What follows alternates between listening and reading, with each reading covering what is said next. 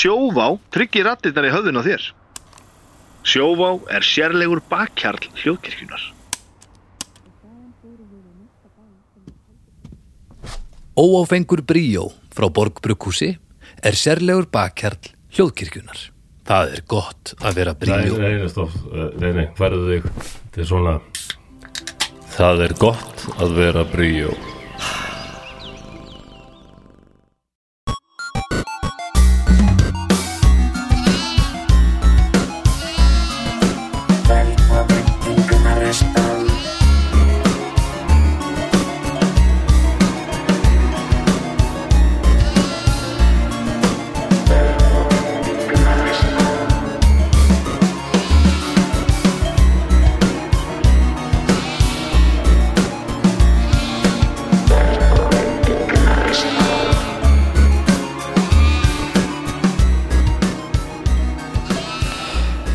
það uh, náttúrulega sko uh, það var margt sem að koma óvart í þessar umræðu.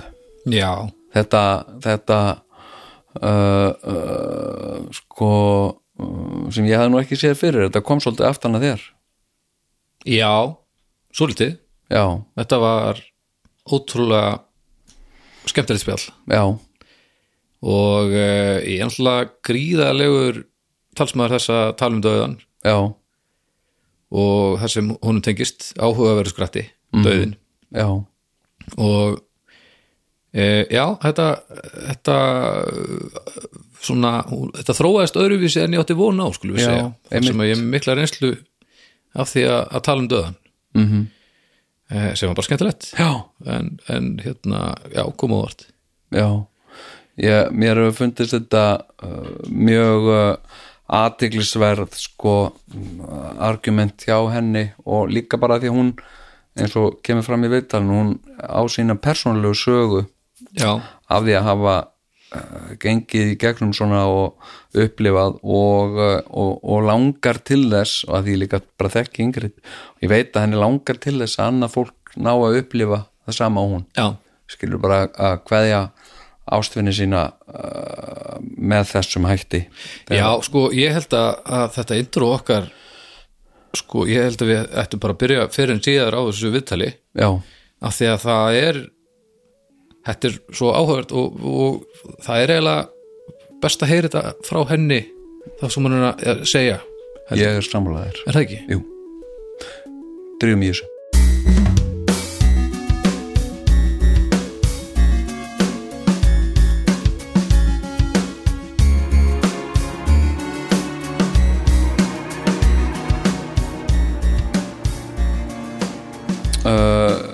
já, komið sæl og blessuð og uh, uh, velkomin til Gnarristan uh, í Gnarristan er alltaf gaman uh, það er alltaf sumar, það er alltaf gott veður og þar sest sólin aldrei. Það er aldrei myrkur, það er aldrei kalt. Alltaf logn. Alltaf logn og, og allt sem þú gróður setur það vex mjög vel. Uh, hérna og fólk verður þar aldrei fyrir neinum áföllum eða neitt þannig að, að það er allt, alltaf gott að vera þar og, uh, og þess vegna er náttúrulega uh, sérstaklega ánægilegt að bjóða fólk velkomið til Gnaristan. Uh, við erum með uh, mjög góðan gest hjá okkur í dag sem að er uh, að þessu sinni er Ingrid Kúlmann uh, uh, sálfræðingur. Uh, verður hjartanlega velkomin. Takk fyrir. Fór ég rétt með þetta sá- sálfræðing? Reyndar er ég með meistaragráð í jákvæðri Ah, sálfræði, meistaragráð. maður ekki, eiginlega ekki kalla sig sálfræðing fyrir maður komin í sálfræðinga félagið. já, já, og já, jákvæð sálfræði er ekki beint svona kannski viðkjönd undirgrein sálfræðinar, Nei, þannig að við erum ekki í félaginu. Nei, já, já, já ok, ég, ég hérna uh, það, er, það er allur gangar á þessu ég hérna uh, sko uh, það það er ekki nema bara nokkur ár síðan ég gerði mig grein fyrir uh, greinamununum á lögfræðingi og lögmanni Mm einmitt. hérna og, og hérna en uh, uh, hjartanlega velkomin Takk fyrir að bjóða mér Já. í Gnaristan. já, Það sem sólin, sólin skín alltaf. Ég líst vel á það, sko. já, hljómar vel sko. þetta er svo jákvætt land sko. þetta maður er ekki þreyttur á því að endanum svo. Það gæti verið, ég Já. þekki nefnilega fólk sem elskar svona lægðir sko. Já, og, og fer fyrst í gang þá sko. Það Já. er eiginmaðurinn þannig. Já, já, það spurning hann elskar svona rigning og rók og, og vil helst fara út og þannig að hann er það gott við sko. og kontrastin lætur mann þykja væntir Ég hugsa um góðu tíman á stundum sko. þannig við getum þurft að skoða veðurfærið í gnaristan það er bara, Já. það kemur bara brjála veður einn dag árið eða eitthvað bara Jú, ég- sem áminning. Ég fæ reyndar svona, ég sé stundum ég, er svo gaman að horfa á svona svona þætti á National Geographic uh, hérna mm, um eitthvað fólk sem býr einhvers staðar í Alaska og þarf að fara út í 25 stega frosti til að ná í eldi við og með snjóþrúr. Og ég fæ alveg svona löngun, mér langar. Ó, ég væri til ég að vera að þramma þarna með já, já, já, uh, hérna og uh, en uh, þú gæti fara á er já, svona nákvæmlega. já, já, já, já, einmitt. Já, það getur verið blás en, uh, en hérna uh, já, við, við uh, erum nú uh, gamli vinnir við, við tvö, við erum búin að þekkjast lengi og, og hérna og og, og Eithór Evarsson maðurinn þinn, hann er æskufélagi minn og, og, uh, og, og ég var nú að vinna með ykkur uh, mörg ár. Við, við alls konar gríðarlega skemmtilegt sem við gerðum saman. Og hérna, hérna og Eithór uh, fekk mér nú í, í eitt alveg eitt allra skemmtilegasta verkefni sem að, sem að, sem að hérna, þið, þið eru sem sagt með fyrirtæki sem heitir þekkingamilun eru þið ekki ennþá með Jú, við erum já, ennþá með já, það. já, já, og þú ert vantanlega að vísa í námskeiðum erfiða einstaklinga eða ekki? jú, um, erfiða erfiða einstaklinga kröfjandi einstaklinga og hann. Jón fjekk að leika þessari mismundu típur Þetta var sagt. svo gaman. hann var einræðisherra og besservisser og, og, og, Og og já, alls konar típur sem að hann fjekk að það er Spreyta sig á. frábært já, Einmitt, já. uh, stjórnsamöður og, og hérna og sko Eithór fekk mér þetta, þetta var svona ákveðið tilhjónaverkefni líka bara hjálpa sko, þá, þá bara segir uh, hópurinn sem að er uh, með, á námskeiðinu bara hvernig einstaklega vilja fá sem sagt, uh, hjálp við að, að takast á við og, og, og ég er ennandi bara að setja mig inn í það. Já. og svo lék ég svona, svona þessa típu af, þetta er frábær hugmynd. Já, þetta var svo gaman. Og var stundum var svo mikið leið og fólk var líka svo oft að fá svo mikið út úr þessu. Já.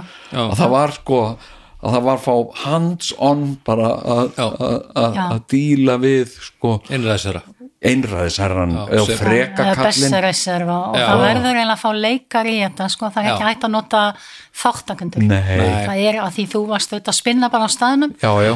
Og og getur þú það? Já, ég get aðeins, ég fannst það svo frekir kallar og ta- tala niður til kvenna mér ó, þetta var svona hluti sem að maður bara, bara, maður bara leifir sér ekki. Þarna alveg spólaði bara. Hérna, hérna og svona, já þe- þetta var, var rosa gaman. Já. en hérna uh, þú hérna, þú, Ingrid, þú, þú ert fætt og uppalinn í Hollandi.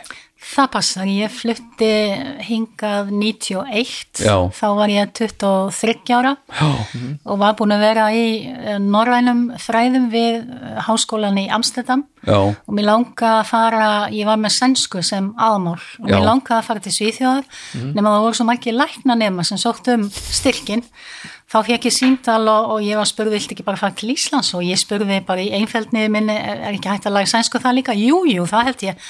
Og svo ég fekk styrkin og fór til Íslands og fór þetta bara beint í íslensku, ekki, Já. ekki, ekki sænsku.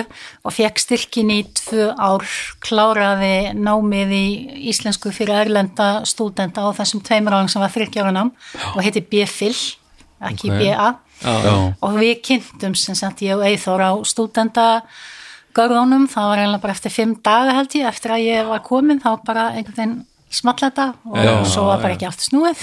Nei, nei Já. Að en við vorum, ég kom 91 en við fórum svo aftur út 93 til að klára námið, þá var Eithor komin í vinnusálfræði og uh, tók það sem satt út í Amsterdam og ég kláraði norræn fræði og svo fluttum við aftur til Íslands 99 og við höfum búið hér síðan. já, já. en þú hefur ekki hefur verið eitthvað að sinna þessum uh, norrænu fræðum uh, hefur verið eitthvað að halda áfram í, í, í, í þeim stúdjum Sko það má einlega segja auðvitað ég fór síðan í nútíma íslensku, ég sem sagt er eini hollendingurinn sem er með mestragráð í norrænum fræði með áherslu á, á nútíma íslensku. já, þú hefur líka alveg bara Þannig að það, ég er að nota náttúrulega tungumáli alla það. já, þú, þú, þú talar náttúrulega bara lítalausa íslensku og hefur eiginlega alveg gert það. frá því þú byrjaðir að tala íslensku Takk fyrir það er, er ekkert uh, hérna, það er ekkert ég meina þú hefur líka, ég veit að þú hefur verið að, að, verið að prófarka að lesa sko. Já, já, ég gerir mikið af því. Hvað varstu gummul segir þegar þú Ég kom þegar ég var 23 ára og ég var náttúrulega búin að læra forn íslensku, sko, við lásum njálu og, Já. og gíslasu og allt á forn íslensku. Já. En svo þegar ég kem hingað 91 þá skil ég ekki eitt einast orð. Ég man að ég ætla bara að horfa á frettirnar og ég hugsa, ég hlýt að skilja allt. Já, já. Af því þá er þetta búið að tala um það, sko, Já, við Væri svo líkt. Nei, nei, það var ekki alveg svona einfalt, sko. En ég gætt lesið Íslenska hefur ekkert breyst í þúsund ár. Og Yeah, sagt það sko í náminu, það bara ok, þannig að ég, já, já, ég ætla að horfa á fréttina, ég skildi ekki orð, en ég, mag- ég, ég, sk- ég maður gætt lesið Já. og svo kemur þetta mjög fljótt sko, Já. en ég, hérna, ég hef ekki notað forn íslenskuna sem slíka sko, það er Nei. bara að maður fenn alltaf bara Já, að já. vinna og Það eru- hérna en eru- segja alltaf sko íslenskan náttúrulega þetta, þetta nám nýtist mér alla daga af því Já. að maður lærði íslensku. Já, Já, já, og það er þetta það sem ég vinn við í dag ég er að halda fyrirlestra og alla dag og eða halda námskeið og maður nota náttúrulega bara Já, íslenskuna alla dag en hérna uh, sko uh, síðan sko hérna já ég þetta sko uh, fornmál uh, og uh, landnámið uh, og, þe- og, og svona það sem er að gerast í þeim fræðum núna á Íslandi finnst mér algjörlega heillandi. Mér, það er það. Mér finnst svo sko, mér finnst svo margt magnað að koma upp úr sko uh, fornmenja uppgreftri Já. við á Íslandi. Uh, uh, og uh, og hérna mm, sko og það er að, það er að setja uh, svo margt sko í í Íslandsögunni í bara algjörlega nýtt samhengi sko. Akkurat, landnám fyrir landnám. Já, Það landnám fyrir landnám. kannski hingað miklu fyrr. Það búið sína fram á það í færiðum að fólk var komið þangað um 2000, og- eh, árið 2050 sko, þannig að Já. það er miklu fyrr. Já, og við tala alltaf hér um 871 pluss eða mínus. Já En en nú er, kannski var- nú er sko hérna eins og uppgröftunni stöðafyrði það er búið að sína bú, fólk þá búsetta, fólk sem hafði fasta bústötu ásvinsring Já. miklu, miklu fyrr sko. nákvæmlega. Og hérna og er svo er svo magna, svo finnst mér svo uh, magna og við vorum nú sko að ræða hérna við fordlega frá einhvern daginn sko um sko uh, hérna fordlega uppgreftri uppgreft á Grænlandi Já. sem sagt af norrænt fólk á Grænlandi sko. það finnst mér algjörlega algjörlega magnað Já, sko. já, þess vegna er svo já, það er einlega synd hvað það er settu lítill peningur í, í þetta sko, Já. 40 miljónir á ári. Já. og við erum til dæmis með allar þessar strandminjar um all land sem Einmitt. eru að hverfa í hafið af því að sjáabarðar hækka og vorum að ræða það einmitt. Við vorum að, einmitt, að, að ræða hvað er, hvað er bara síðustu forfiða því það Já. er svo mikið ágangur á martaði og bara hérna og sama er að gerast sko á Grænlandi því þar er líka sko bráðunun já, jöklarnir er að bráðna já. og svo verða flóð hérna, hva- hérna jökulhlaup. Já, já, og bara strauja yfir eitthvað sem var verið að einmitt. já, já. að, að, hérna, að rannsaka sko. þannig að hérna, að margt að þessu að hverfa. En svo er líka sko, uh, sko hérna uh, það er svo mikið af fornminnum hér sem eru óhrefðar Mhm. Sem hafa að því að uh, í Evrópu er, þetta er allt orðið bara eitt tún meira og minna, öll Evrópa Mhm, Já, já. er að búið að yrkja, Já, já. grafa skurði og yrkja og gera tún og, og, og raska þessu en hérna er svo mikið óröskuðu Já, já. sem hefur bara Einmitt, já, já. algjörlega fengið að vera í friði alla tíð sko en, uh, en hérna en hérna uh, já, sko, ég var að uh, hérna, þetta er bara ég, þetta er bara út úr dúr vegna þess að ég, ég, ég vissi hreinlega ekki af þessu uh, þessu námiðinu, sko. Já, ég, ég bara ég vissi þetta. Hérna, þetta er einlega ástæð fyrir því að ég kem hingað til að byrja með sko. Já, Nei, ég hérna ég hérna sko uh, hérna ég var að ljú, ljúka við að lesa bók hérna eftir uh, norskan uh, forlega fræðing sem heitir Anders Vindrot sem skrifar bók sem heitir á ensku The Age of the Vikings. Og, uh, og hérna uh, og er að skrifa og mér finnst svo margt sko mér finnst svo skemmtilegt margt að sem að forlega fræðingar eru að skrifa uh, svona sagfræðilegt mér finnst það að því að veginn kemur nýr vingill á, á eitthvað og hérna Já, eins og varum til landnámi sko, hvernig það fór fram sko, Já, komu já. menn bara allir í einu vonandi, uh, vantalega ekki sko, það voru bara Nei. hópi sem komu könnuðu aðstæður, Já. fóru aftur fleiri Já. komu næsta ár sko þetta er ekki, þetta er tímabil, þetta er ekki bara nei, allt í einu nákvæmlega. 870 þá koma bara allir til Íslands, Koma það er ekki, það virkar ekki þannig. Nei, og líka bara þegar maður er að skoða sko, eins og heiðni og kristni Já. það var ekkit heiðni og síðan bara eitt ári kristni. heldur var þetta, þetta var meira og minn lengsta var þetta svolítið bara svona bæði. Svolítið hérna, og maður sér það á rúnasteinum þar er oft verið að vísa bæði í, í, í, í, í sko heiðin uh, hérna eins og Þór og, og, og Óðinn en líka Jésu og krossar og eða, veist, þetta er hérna Einmitt. Já, þetta er svona verður að vera svona greiðjan tímabil. Já, já, fjara út smám saman. Já, já, já, já. þetta er ekki eins og þegar við skiptum um skilur það hefur verið leðilegt að láta það svona, svona að skerast. Það hefur verið flóknara sko. já, já, nei, en, en við, við hugsaum þetta oft svona að það sem var í heiðinni og síðan eftir Já. kristni þetta er meira svona hérna, en sko hérna, en hvernig sko uh, hvernig var hérna uh, sko uh, var þetta í, í Niðurlöndum? Eh, Hollandi og Belgíu uh, á, á, á miðöldum. Ég, ég áttaði mig ekki á því. Ég áttaði mig sko á Karla Magnúsi þannig í Fraklandi og og síðan uh, hérna norrænt fólk, vikingar Bretlandi Bretlandsegjum uh, Írlandi en, þeir fóru náttúrulega líka til Hollands, Belgíu og svo náttúrulega austur, já, já, alla leið sko, en, en voru, einhver, voru einhverja byggðir það, það er ekki mikið eftir Nei, af því sko, nei, en þeir að- voru- í Danmörku. já, það er náttúrulega ýmislegt, já, Já, já, já. já, já, já. En ef- en kannski voru ekki lengi þetta var bara leið til að komast austur sko, Já. þannig að það var svona Já. vera gegnum streymi Já. þetta er að menn settust að einmitt, já, þannig að, svona svo blöndós já, er Eins og- eins og blöndós eins og já. já, já, kannski einhverjum nokkrir í kring en, en, en já já, en hérna uh, uh, en sko já, en, en uh, það sem mig langaði uh, svo sérstaklega til að til að að, að ræða við þig uh,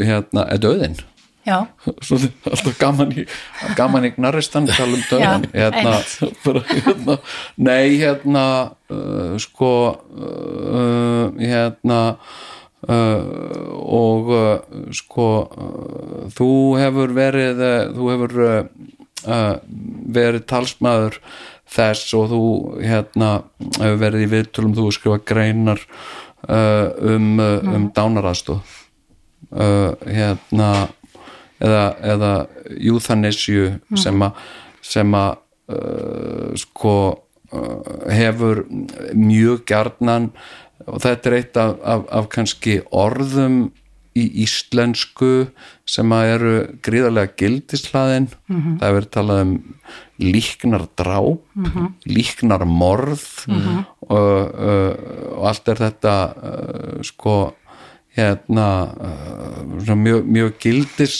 hlaðið og, Já. og þungorð. Þung orð sko, Já. og, en, en hérna en getur útskýrt aðeins fyrir okkur það eru mismunandi uh, stig eða mismunandi gerðir Já, mismyndi leiðir, Leiðir, sko, já. þú nefndir euthanasia já, og því að við erum í þætti þar sem allt snýst um jákvæðni, Já. þá þýðir euthanasia, uh, þetta kemur úr uh, grísku og þýðir góður eða mildur döðdagi. Já, Þannig að ég sé alltaf sko líknandráp, líknamorð er á engan hátt góð þýðing. Nei. á euthanasia Nei. og við stopnum sem sagt uh, félag uh, um dánaranstóð árið 2017 og ákvaðum strax að nota orð sem er hlutlausara já, eins og dánaranstóð, það er líka notað á hinum Norðurlöndunum, sko, döðshjelp heitir þetta Já, það, sko, já, í. Svíþjóð og, Einmitt. og, og, og í Já. Finnlandi er enda euthanasia líka notað, Já. en við þurfum þetta alltaf að búa til nýjegu við erum ekkert að nota euthanasia hér og hollendinga gera það til dæmis, Mhm. en það er einmitt mismundi leiðir og það er oft talað um svona þrjár kannski megin leiðir, í fyrsta lagi það sem að er gert í Hollandi.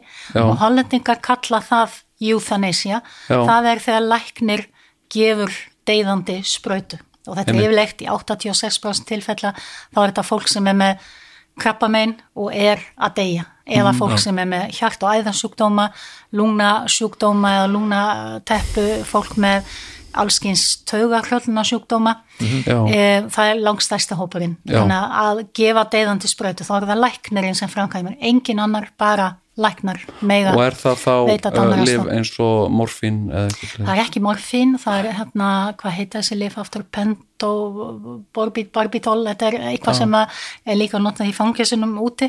Já, já, um, og þetta er morfín nefnilega og þetta er eitt af því sem að framkvæmdastjóri samtakana uh, í heiminum sem sagt World Federation of Right to Die Society, sem sagt heimsamtök, hann er sem sagt læknir sjálfur og uh, hans fyrsta tilfelli var einmitt uh, einstaklingur sem var að deyja, hann gefur morfín en þetta er einstaklingur sem er búin að fá morfín í nokkur, nokkra mánuði og er bara búin að byggja upp þól Einmitt, og hann er búin að kveðja alla og hann bara deyr ekki.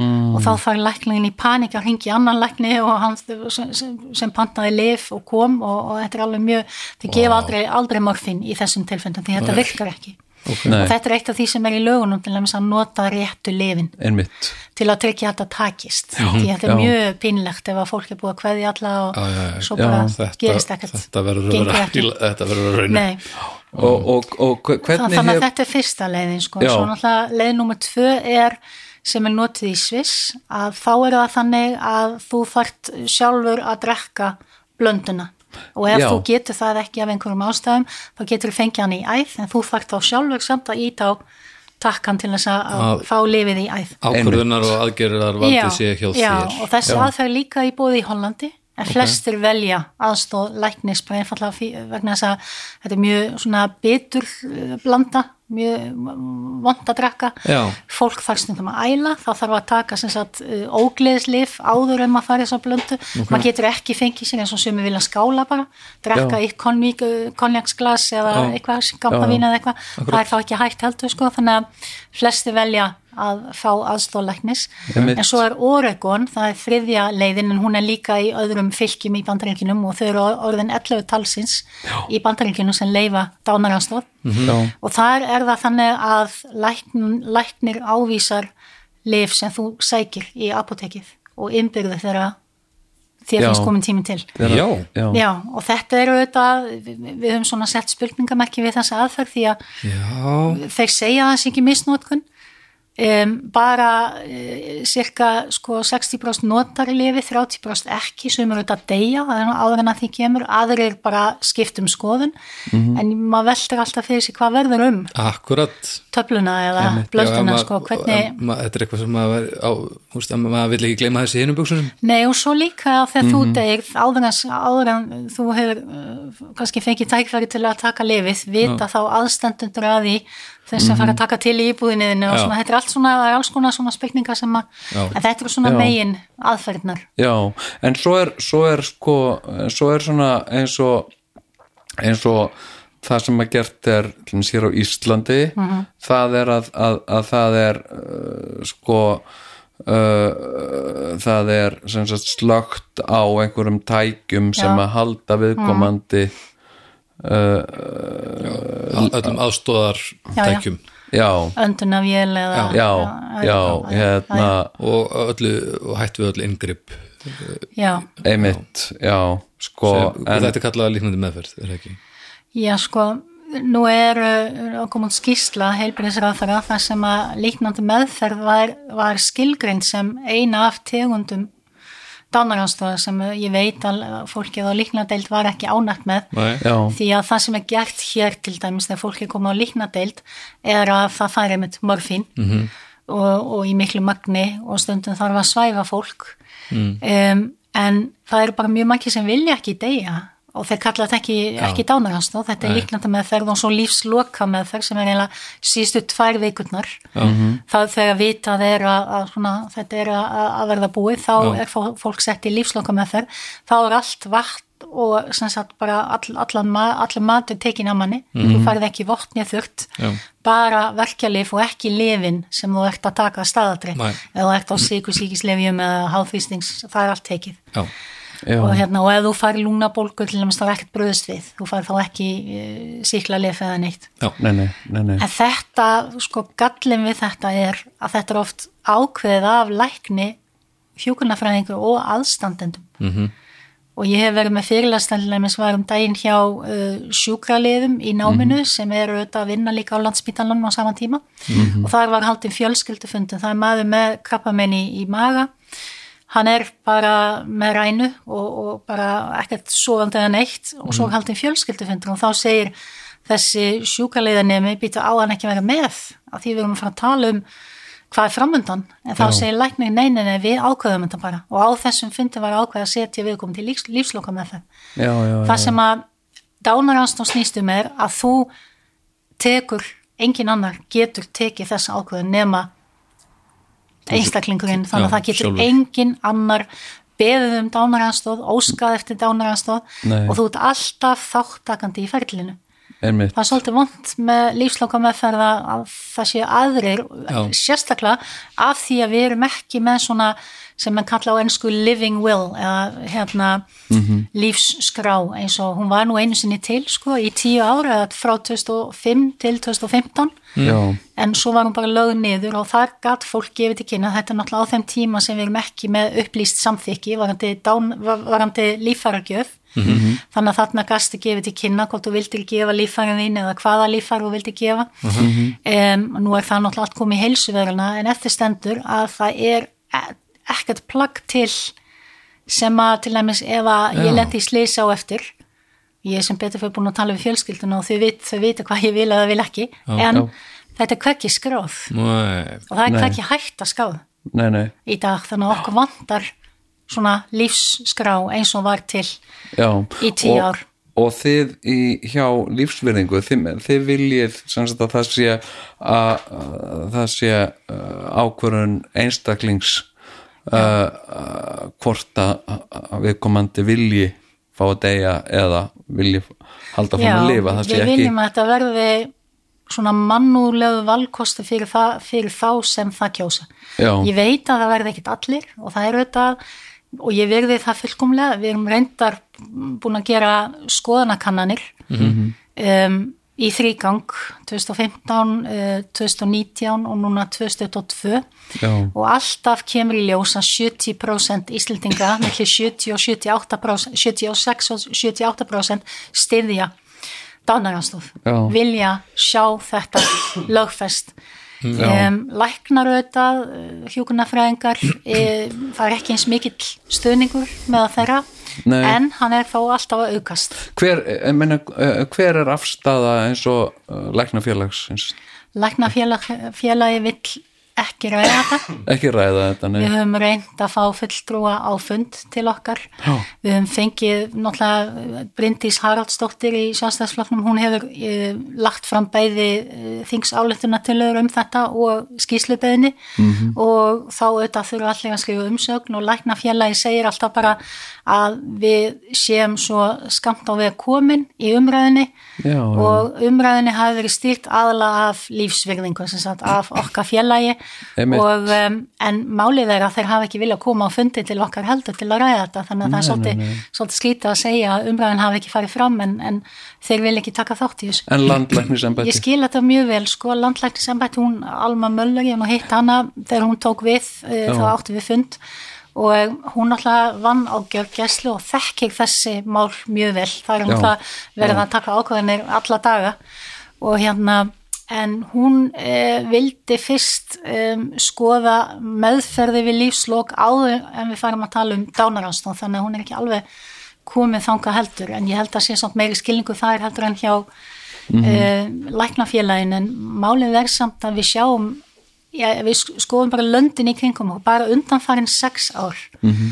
Þá er búið að lögleiða dánaranstóð í öllum fylgjum í Ástralíu, í Já, já. Nýjasjálandi, í Austuríki, í á Spáni Mhm. auðvitað í Sviss uh, er þetta búið að vera náttúrulega í, langan tíma Mhm. uh, Belgia, Luxemburg, Holland náttúrulega voru með fyrstu löndunum til þess að lögleiða í. Já. Englandi, í Skotlandi er núna frumvarp sem að, að er mikill stuðningur við þannig að ég býst við að Skotland verði svona fyrsta sko á undan Englandi en Já. það er líka mikil umræða á Ítalíu jafnvel í þeim löndum Já. sem eru sko kaþólsk, þar sem já. að maður myndi að halda eins og í Portugal til dæmis Mhm. þar er, er, er frumvarpið komið í gegnum þingið en uh, forsetin hefur neitunavald og hann hefur beitt því uh, í þrýgang já, já, hann er mjög trúaður og á móti einmitt. En hann gerði reynda líka aðtöðsemdi við orðalag og svona það búið bæta úr því núna. En við sjáum að það er alltaf sko, utan uh, Kanada auðvitað, Bandaríkin, 11 fylki sífælt fleiri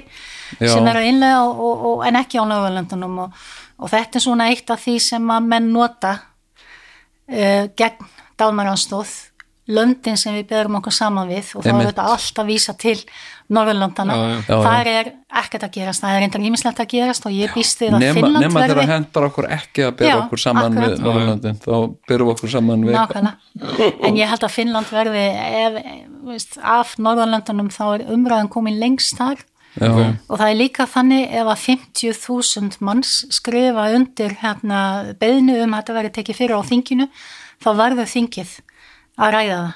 Og það gerðist 50.000 Já, finnar já, sem ok. sagt.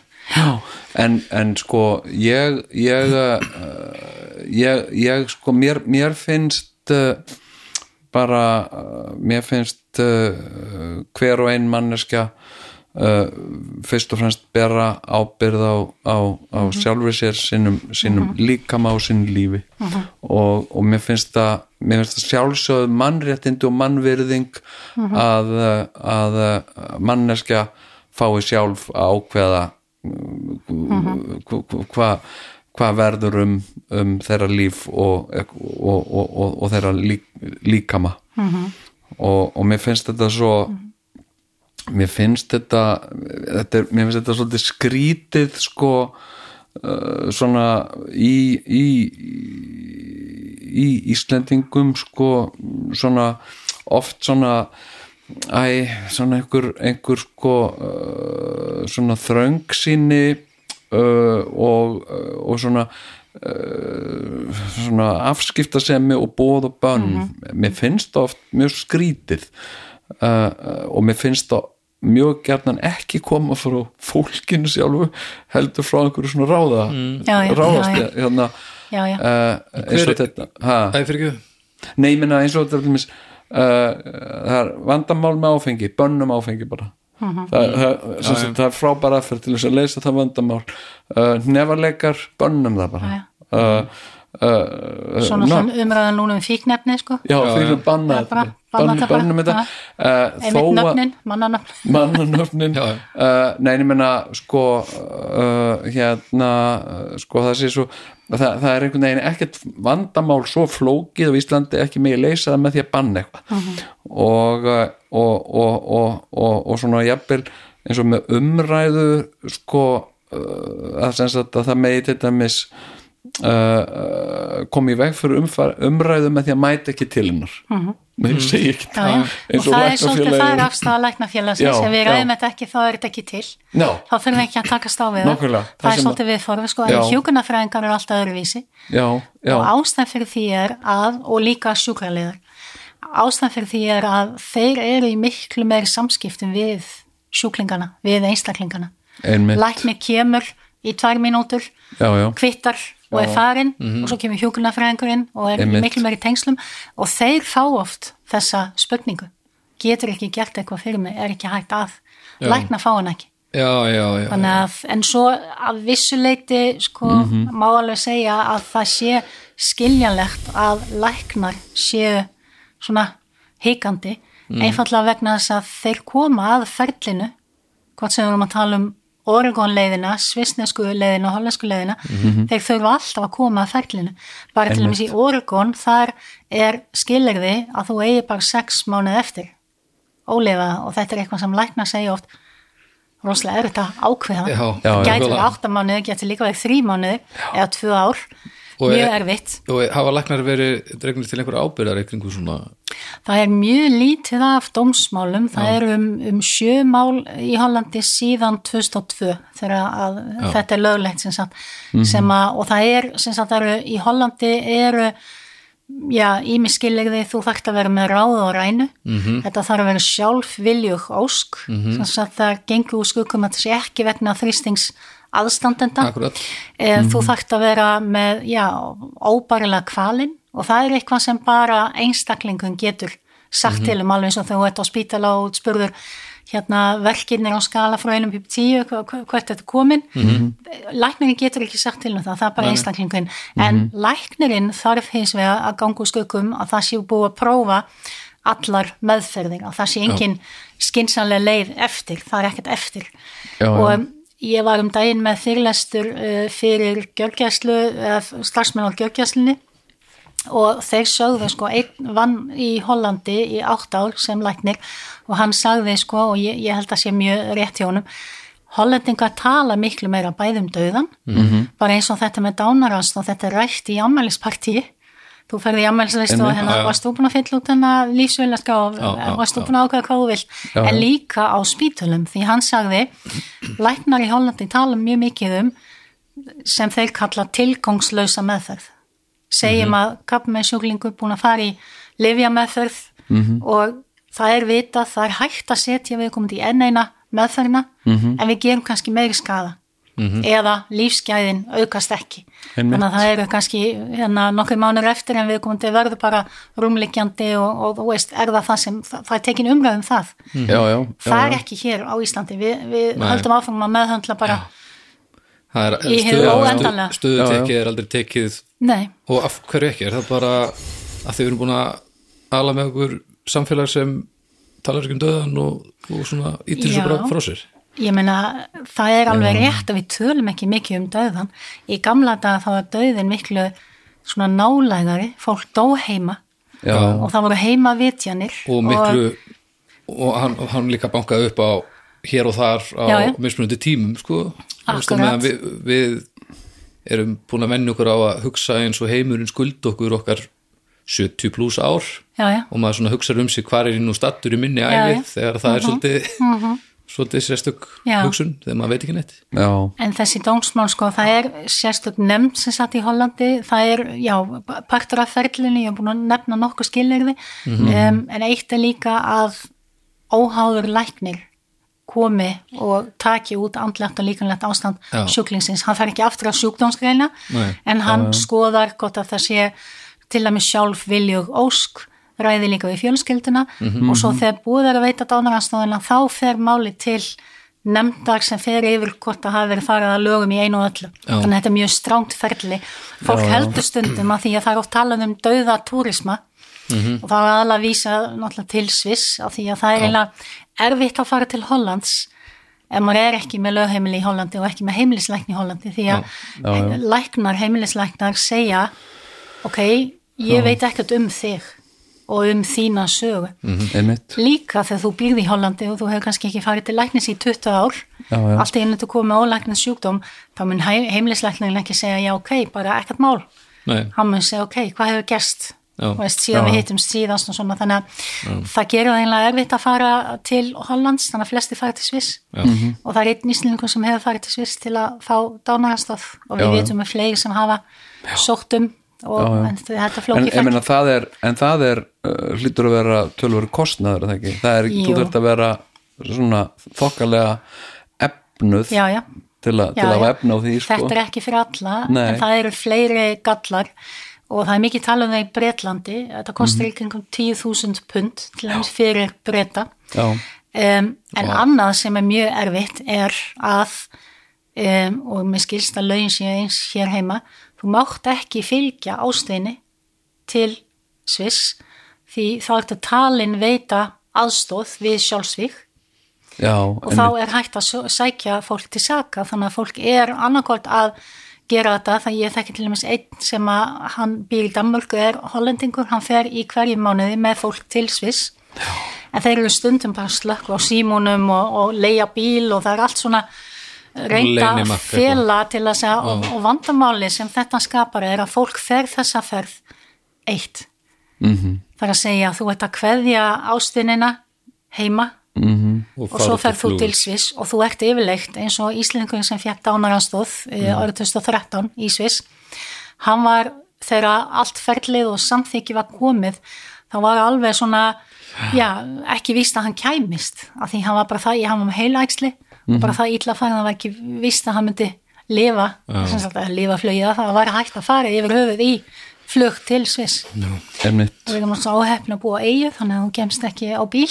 Akkurat. þannig að það er ýmsir, ýmsir svona gallar við þetta. Auðvitað á það að vera þannig og breytar tala til dæmis mjög opinskátt um það að það sé verið að outsourca dánarástóð Einmitt. að verið að úthýsa bara til Sviss. Og. Svisslendingar eru mjög á móti því og tala mikið um það. Þeir ættu að löglega dánarástóð í stað þess að senda 50 manns til Sviss á hverja ári. Það er einn í hverju mánuði sem fer eða rúmlega það sko. Já. þrýr í hverju mánuði sem fara til Sviss frá. Breitlandi Nei, ég menn þetta var bara eins og var í umræðinni hérna, sko, mjög aðteglisverð, sko, hérna umræðan fyrir nokkrum, nokkrum árum um fóstureyðingar uh, sem að heitir ekki fóstureyðingar, heitir eitthvað meðgöngurof. Já, meðgangurof Já, hérna sko uh, og það sem sagt var fólk og, og, og mér var mjög aðtiklisvert að sjá hérna umsög sko frá, frá siðfræðistofnun hérna siðfræðistofnun háskólans. Uh, hérna mm, uh, sko uh, sem sagt að þetta væri vafasamt og eitthvað svona.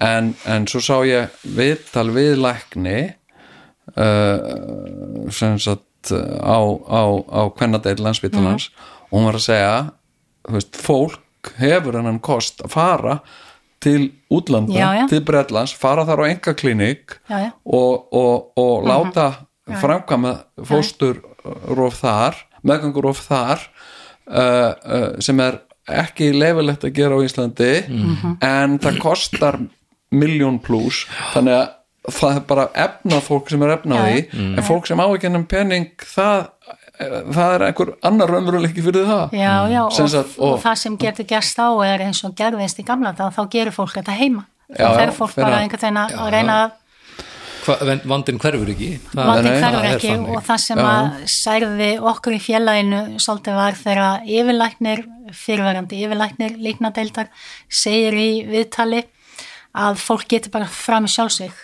eða treystir sér ekki lengur til að lifa.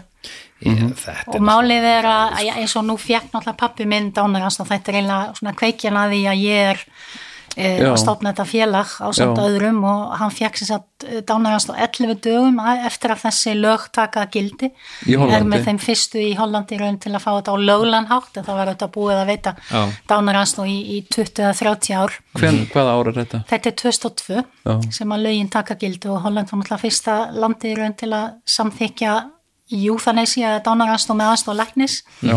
og hérna og um, þetta er sko hann til dæmis hann fekk heila æxli og hann var með æxli sem var svona stærði hálfa mentosrúli og það var ekki hægt að skera hann upp þetta var bara á þannig stað. Þannig að það fyrir mikla geisla meðferð Livja meðferð virkaði ekki því að lifin berast ekki alla leið uh, upp til heilans þannig að það var bara geisla meðferð en hún var það kröftug að hún eiðlaði eiginlega bara barkalokuna og allt, hana, allt í einu þá fær hann, hann áttur enda þrjú eða tvö og hálft gott ár síðan hann allt í einu sem við höldum að sé hérna, lungnabólgu.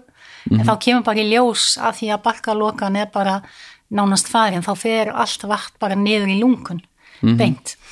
Og þá er ljóst að, jújú, jú, það er hægt að halda honum á lífi, sko, það er hægt að gefa bara næringi í æð og þú getur lifað endanlaust en máli var, hann var á þeim tíma orðin 52 kíló hann var rúmliggjandi hann þurfti að aðstofa allar aðtapnir og hann var mjög kvalinn af því að var hann hann var 5, 63 þegar hann deyr sem náttúrulega engin aldur. Hérna, en máli var að hann var sko hann gati ekki lengur notið lífsins af því að það er svo merkilegt fólk heldur ofta að dánaranstum snúist bara um verki og sérstaklega líkamlega verki. En þetta er svo miklu meira en það. Já. þetta er líka bara skert sko lífsgæði að vera upp á aðra komin að geta ekki lengur notið lífsins. Maður sem var mjög virkur og fór á tónleika og hjólaði og, og, og, gekk og hann allt í henni lápar í rúminu. Og hann sagði alltaf að ég myndi ekki óska mínum vestu óvinum Nei. þessa. Og þá kemur spurningin sko hann gætt fengið nærgjæð þá þurfti hann að fara på spítala og hérna fá aðstóð þar, hann fekk líknandi með fyrir heima. En hann sagði bara þetta er ekkert líf og mér langar ekki að liggja í, í, á spítala í, í þrjá mánuði viðbót um, mjög kvalinn. Og hérna þannig að auðvitað er þetta þau hefðu náttúrulega rætt þetta í langan tíma. Það má ekki gleyma því umræðan um dánaranstóð fyrir af stað 73 Já, þegar fyrsta dómsmálið uh, Já. á sér stað. Þannig að þetta er náttúrulega okkur gerjun og þetta það sem ég segi alltaf hér heima við erum eftir að ræða þetta frá öllum hliðum. Já. því að það eru læknisfræðilega hliðar lagalega hliðar um, líka varandi lif og fleira, siðfræðilega hliðar er svo margar hliðar en ef við tökum aldrei umræðina þá þroskast hún ekki og það Nei, gerist ekki neitt. Það er Þannig hérna uh, en mér finnst það nú oft sko uh, já, ég hef, ég hef sagt það sko hérna uh, og bara með fullu virðingu fyrir íslensku uh, mér finnst íslenska að vera tungumál sem er sérstaklega gert til þess að segja sögur uh, en ekki styrkleikar íslenskunar ekki mikið í samtali. Ég hérna Nei, sagt, nei. og þar þarf að- styrkjana finnst mér. Já, já. og hérna uh, sko, dæmi gott dæmi bara umræðin er á sama stað sko frá því að við flytjum út 93 já, þá er talað um Európusambandið og allt það og við vorum alltaf að gera grína þessu sko, það kemur að því við flytjum auðvitað til Hollands til Európusambandslands og hérna erum að taka umræðina við með fólki sem er að koma í heimsókn. Svo flytjum við aftur heim 91 og við erum á sama stað í umræðinni Já. og nú er komið 2023, við erum með þá á sama stað. Já, já, það, er ekkert, það er ekkert að gerast og Nei, þetta nei, menn það er fara í bara- skotgafirnar og Já, ég já. sé alltaf með, með hérna dánaranstöð þetta er ekki svart og hvítt. Þetta er bara mismundi grátt. Og auðvitað eru umræða, umræðinleg erfið kannski ekki þegar kemur að deyjandi fólki. Því flestir skilja þegar fólk er óbæralega kvalið og það er ekkert eftir nema þjáningin -hmm. þá skilja flestir að það skuli koma þessi já, Já. beðni um dánaranstóð en það eru auðvitað erfimál eins og hvað gerum við þegar börn eiga í hlut fólk með heilabilun eða Alzheimer -hmm. andlegi sjúkdómar eða þeir að vera hluta þessu þannig að það, þar er svo grátt sko, Akkurat. en, en hitt er miklu meira Það já, já. og það var til og með læknir um, hér á Ísland við höfum náttúrulega okkur vantar fólk sem stígur fram og stíður þar að segja sérstaklega úr heilbriðis geranum, það var eitt sem að er for, fyrirverandi for, formaður síðanemndar læknafélagsins sem að eiginlega kom út úr skápnum um daginn Já. og sagðist stiðja dánaransnú en bara fyrir deyjandi fólk. Einmitt. þannig að það var að tala um þennan, þennan en, en, en hérna hvernig, hvernig gekk þetta fyrir sig uh, í tilfælli pappa þess Já, Hvað- það var náttúrulega, þetta er stránt ferli eins og ég nefndi, það þarf að uppfylla all, öll þessi skilirði sem hann gerði. -hmm. og þessi óháði læknir, hann talaði ekki bara við hann og hann var spurður að því ítrekkað, ertu viss, veistu hvað það þýðir? Uh, og svo framvis, mm -hmm. tala við okkur líka og hérna og, auðvitað reyna þeir að ef það er ósækt af því að það getur verið, það er einhver á móti, það er einhver sem vill þetta ekki, en það var ekki þannig okkar tilfelli og svo kemur þá, nú, nú er það sem er öðruvísi hér og á Íslandi er að 80% fólks deyr heima. Þannig að út með mm -hmm. krabbamein kannski á spítananum þá ferðu heim til að deyja og það er heimilislækningin sem kemur. Já, hér deyr 80% inn á stofnun eða spítala þannig að það er aðeins öðru vísi það væri þá líklega ekki heimilislæknar heldur kannski sérfræðingalæknar sem að, að myndu veita þess aðstóð hér heima. Já, já, um, en svo kemur sem sagt heimilislæknirinn og tilkynir hann, hann sé búin að fá grænt ljós og hún spyr hann hvernig myndur vilja gera þetta. Og hann segir og það, það kannski sýnir bara hvað hann var langt leittur, hann segir getur þú komið núna, getur þú gert þetta núna? Og hún segir að það er nú ekki alveg hægt, ég á eftir að sækja um lifin og fylla út pappira og svona en á morgun klukkan 5 þá væri hægt að og hann bara segir strax já og málið er að það stundum talað um að fólk hafa svo mikinn svona sterkan lífsvilja. Og það er alveg rétt en bróður minn var að gif, ætlaði að gifta sig tveim vikum setna og við vorum að spurja getur þú dreigja þetta í tvær vikur? Eða, eða ég var að flýta á brúkaupinu eða eitthvað? Og nei ég vil bara fá að fara núna. Sagði pappin það sa, sagði það. Og svo er þetta auðvitað voðalega skeitin dagur sko. Þegar hérna maður veit að maður vaknar að, að klukkan 5 þá kemur heimilisleiknirinn og, og svona en það sem var fallagt við þetta í fyrsta lagi þetta er öðruvís en þegar fólk deyr í slísi eða bara í svefni. Við gátum kvart og við gátum sko rætt allt og, og bæði, bæði hleið og grátið og hann var með húmórin alveg fram á síðustu stundu. Já. og líka það að hann gatt ákveðið svona hvernig hann vildi hafa það. Hann var til dæmis búin að velja tónlist með enníu sem er yksk hljómsveit sem að við spiluðum og hann var búin að byggja okkur um að skála fyrir sér í kampavíni eftir að hann var farinn og við gerðum það og svo var þetta bara, þetta var mjög falleg stund og það er einlega núna 20 og rúmlega árum síðan þá erum við ennþá öll með mjög góða tilfinningu og þetta eru tvær sprautur sem að fólk fær. Þetta er svolítið eins og þegar verið að aflífa dýr Já, það er bara svipuð uh, reynsla, það er hérna fyrsta sprautan er bara vöða slakandi. Nei hérna uh, ein, einhvers konar svepplif og þá sopnar hann og hann var strax fann að hrjóta. Og svo kemur næsta sprauta sem er þá vöðva slakandi og þá hættir hjartað að slá. Og Einmitt. þetta tók svona þrjár mínútur en getur þetta tekið lengi tím og þetta er það sem við sjáum í lífsloka meðferð af því að fólk er ofta að skrifa okkur eða, eða segja okkur sögur þessi meðferð sem er beitt hér heima getur tekið 8 daga, jafnvel upp í 14 daga frá því allt vott og þurft að tekið af fólki. Og aðstandendur og það er einlega það sem rannsóknir hafa líka sínt eftir dánaransnóð þá er allir með góða tilfinningu. Af því að þetta var ósk hins látna. -hmm. þetta var gert á þann hátt sem hann vildi í því umhverfi sem hann vildi. Hann stjórnaði ferðinni. -hmm. Í lífsloka meðferðinni er það ekki þannig. Aðstandendur sitja, skiptast á að, að sitja og já, já, í 8 og- dag, í 12 dag, í 14 dag eftir í og við, við veitum nýla dæmi það sem þetta tók 19 daga. Það var einstaklingur ungur Já. sem var bara með það stert hjarta já, að já. hjarta einhvern veginn bara gafst ekki þannig að Te- tengdist pappiðin einhverju einhverju, einhverju trú einhverju trúfélagi eða? Nei, hann var reyndar alveg upp í kathólskri trú Já. en hann var ekki trúaður hérna, þannig að það var engin uh, fulltrúi frá kirkju Nei. engin prestur eða neitt ná, nei, ná, ná. nei, og það er eitt líka sem við þurfum að, á Íslanda að, að breyta já, fólk hefur ekki aðgang oft að sálfræðingi á spítalunum eða á líknadeild þetta er bara presti. Já. það er mjög margir sem bara afþakka. Já, fólk sem er ekki trúað segir, þó að presturinn segir ég er ekki að fara með bænir og ég er ekki að tala um Guð, þá er það samt svona þessi tilfinning, ég vil ekki tala við prest. Hann, ég fæ enga, Já, ég finn enga tengingu við við hann. Nei, ég sá nú reyndar hérna og uh, hann var nú hérna hjá okkur um daginn Þorsteinn Guðmundsson. Mhm. uh, grinnisti og núverandi uh sálfræðingur, hann var að hefja störf sko á uh, krammamistel það er sem, sem sálfræðingur sko.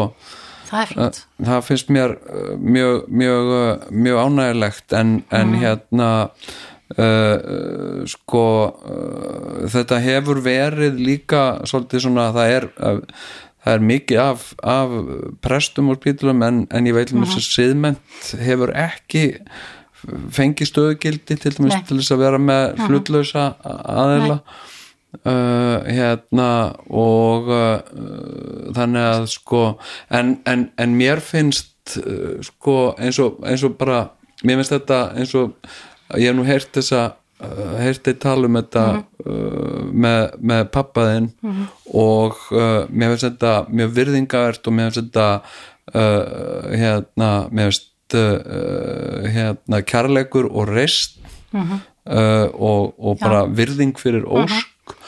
Og og þarna er ykkur gert kleift að eiga þessa stund í staðin fyrir, þú veist, ég, ég hef sjálfur uh, setið uh, yfir degjandi fólki uh, fólki á dánabeði uh, sem að sem að sko uh, hefur hefur verið svona uh, að fjara út og svo allt í hennu getur að braggast og, og, og hérna uh, og svo kemur einhver tíma og svo aftur kannski hrakar. uh, uh, þetta, er, þetta er von og óvon uh, uh, og uh, og hérna og til dæmis uh, í uh, einu tilfelli uh, sem sagt Uh, sem sagt pappa míns sko, þú veist þá, þá, þá vildi ég vera hjá honum sko uh, hérna þegar hann, þegar hann skildi við sko en ég, ég gata ekki ég gata ekki verið þarna allan sólarringin sko. Nei, nei. þannig að,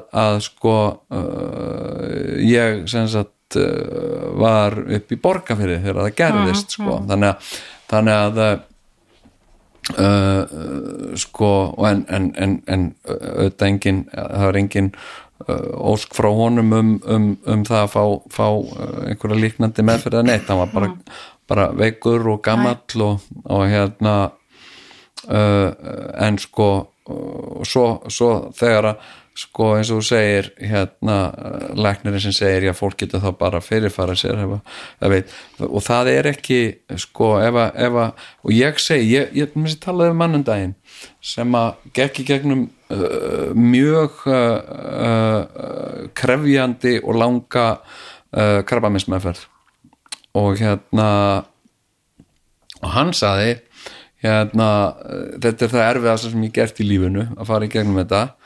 Uh, og, uh, og ef þetta hann sagði, ef, ég, ef, að, ef þetta kemur upp aftur þá myndi ég frekar velja að drepast úr þessu heldur en að fara aftur í gegnum því að þetta var það.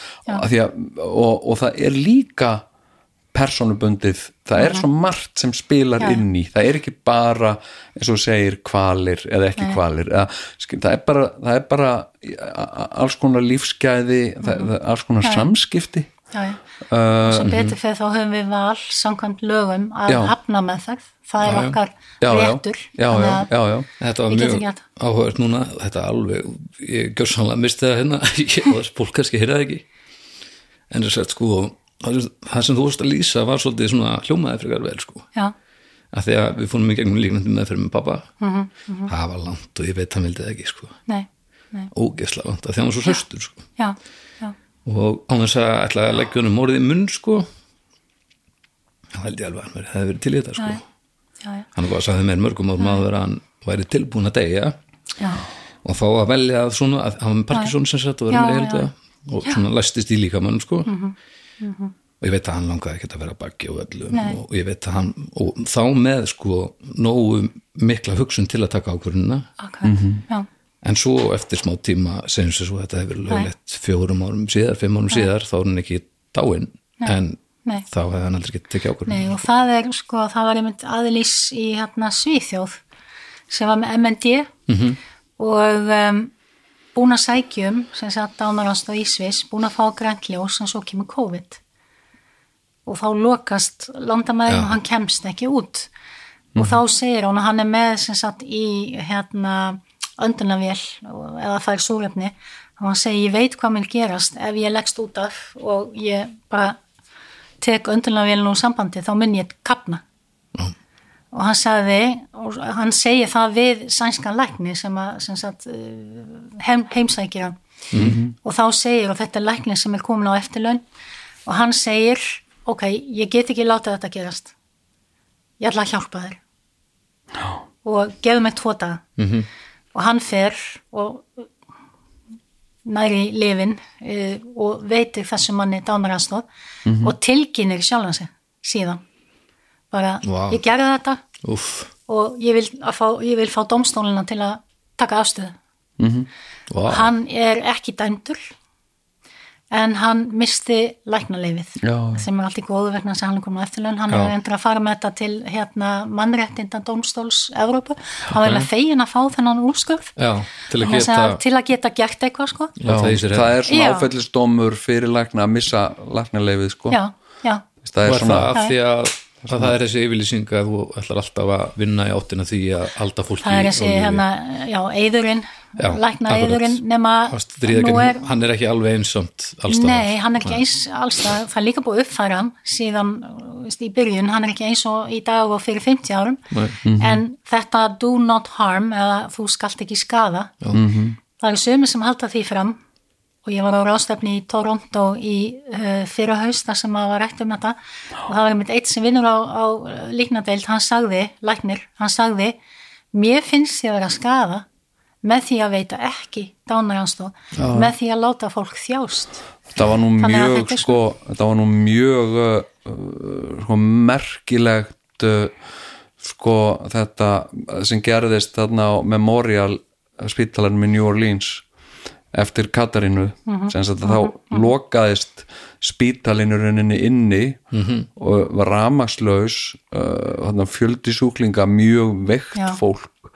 Uh, uh, það var ramagslaust það voru ekki með aðganga á hreinu vatni uh, og, uh, og það voru sjúklingar þarna sem voru sannarlega deyjandi og voru síðan deyjandi við þessar ömurlegu aðstæður uh, voru þarna í uh, fimm sólarringa og það var þarna læknir yfirlæknir sem tók ákvörun um að það væri uh, uh, sem sagt mannúlegasta af því að þau, þau þess að lif voru búin. Já, Já, ég hef ekki hérst af þessu. Nei, þetta er, þetta er, hérna, þetta er, þetta er ótrúlega, það eru voru þættir sem voru gerðir um þetta, leiknir þættir sem að þykja mjög góðir sem heita Five Days at Memorial og hérna uh, uh, sem sagt, og þau gerðu þetta sem sagt að, að, að þau, þau líknuðu fólki sem var bara deyjandi.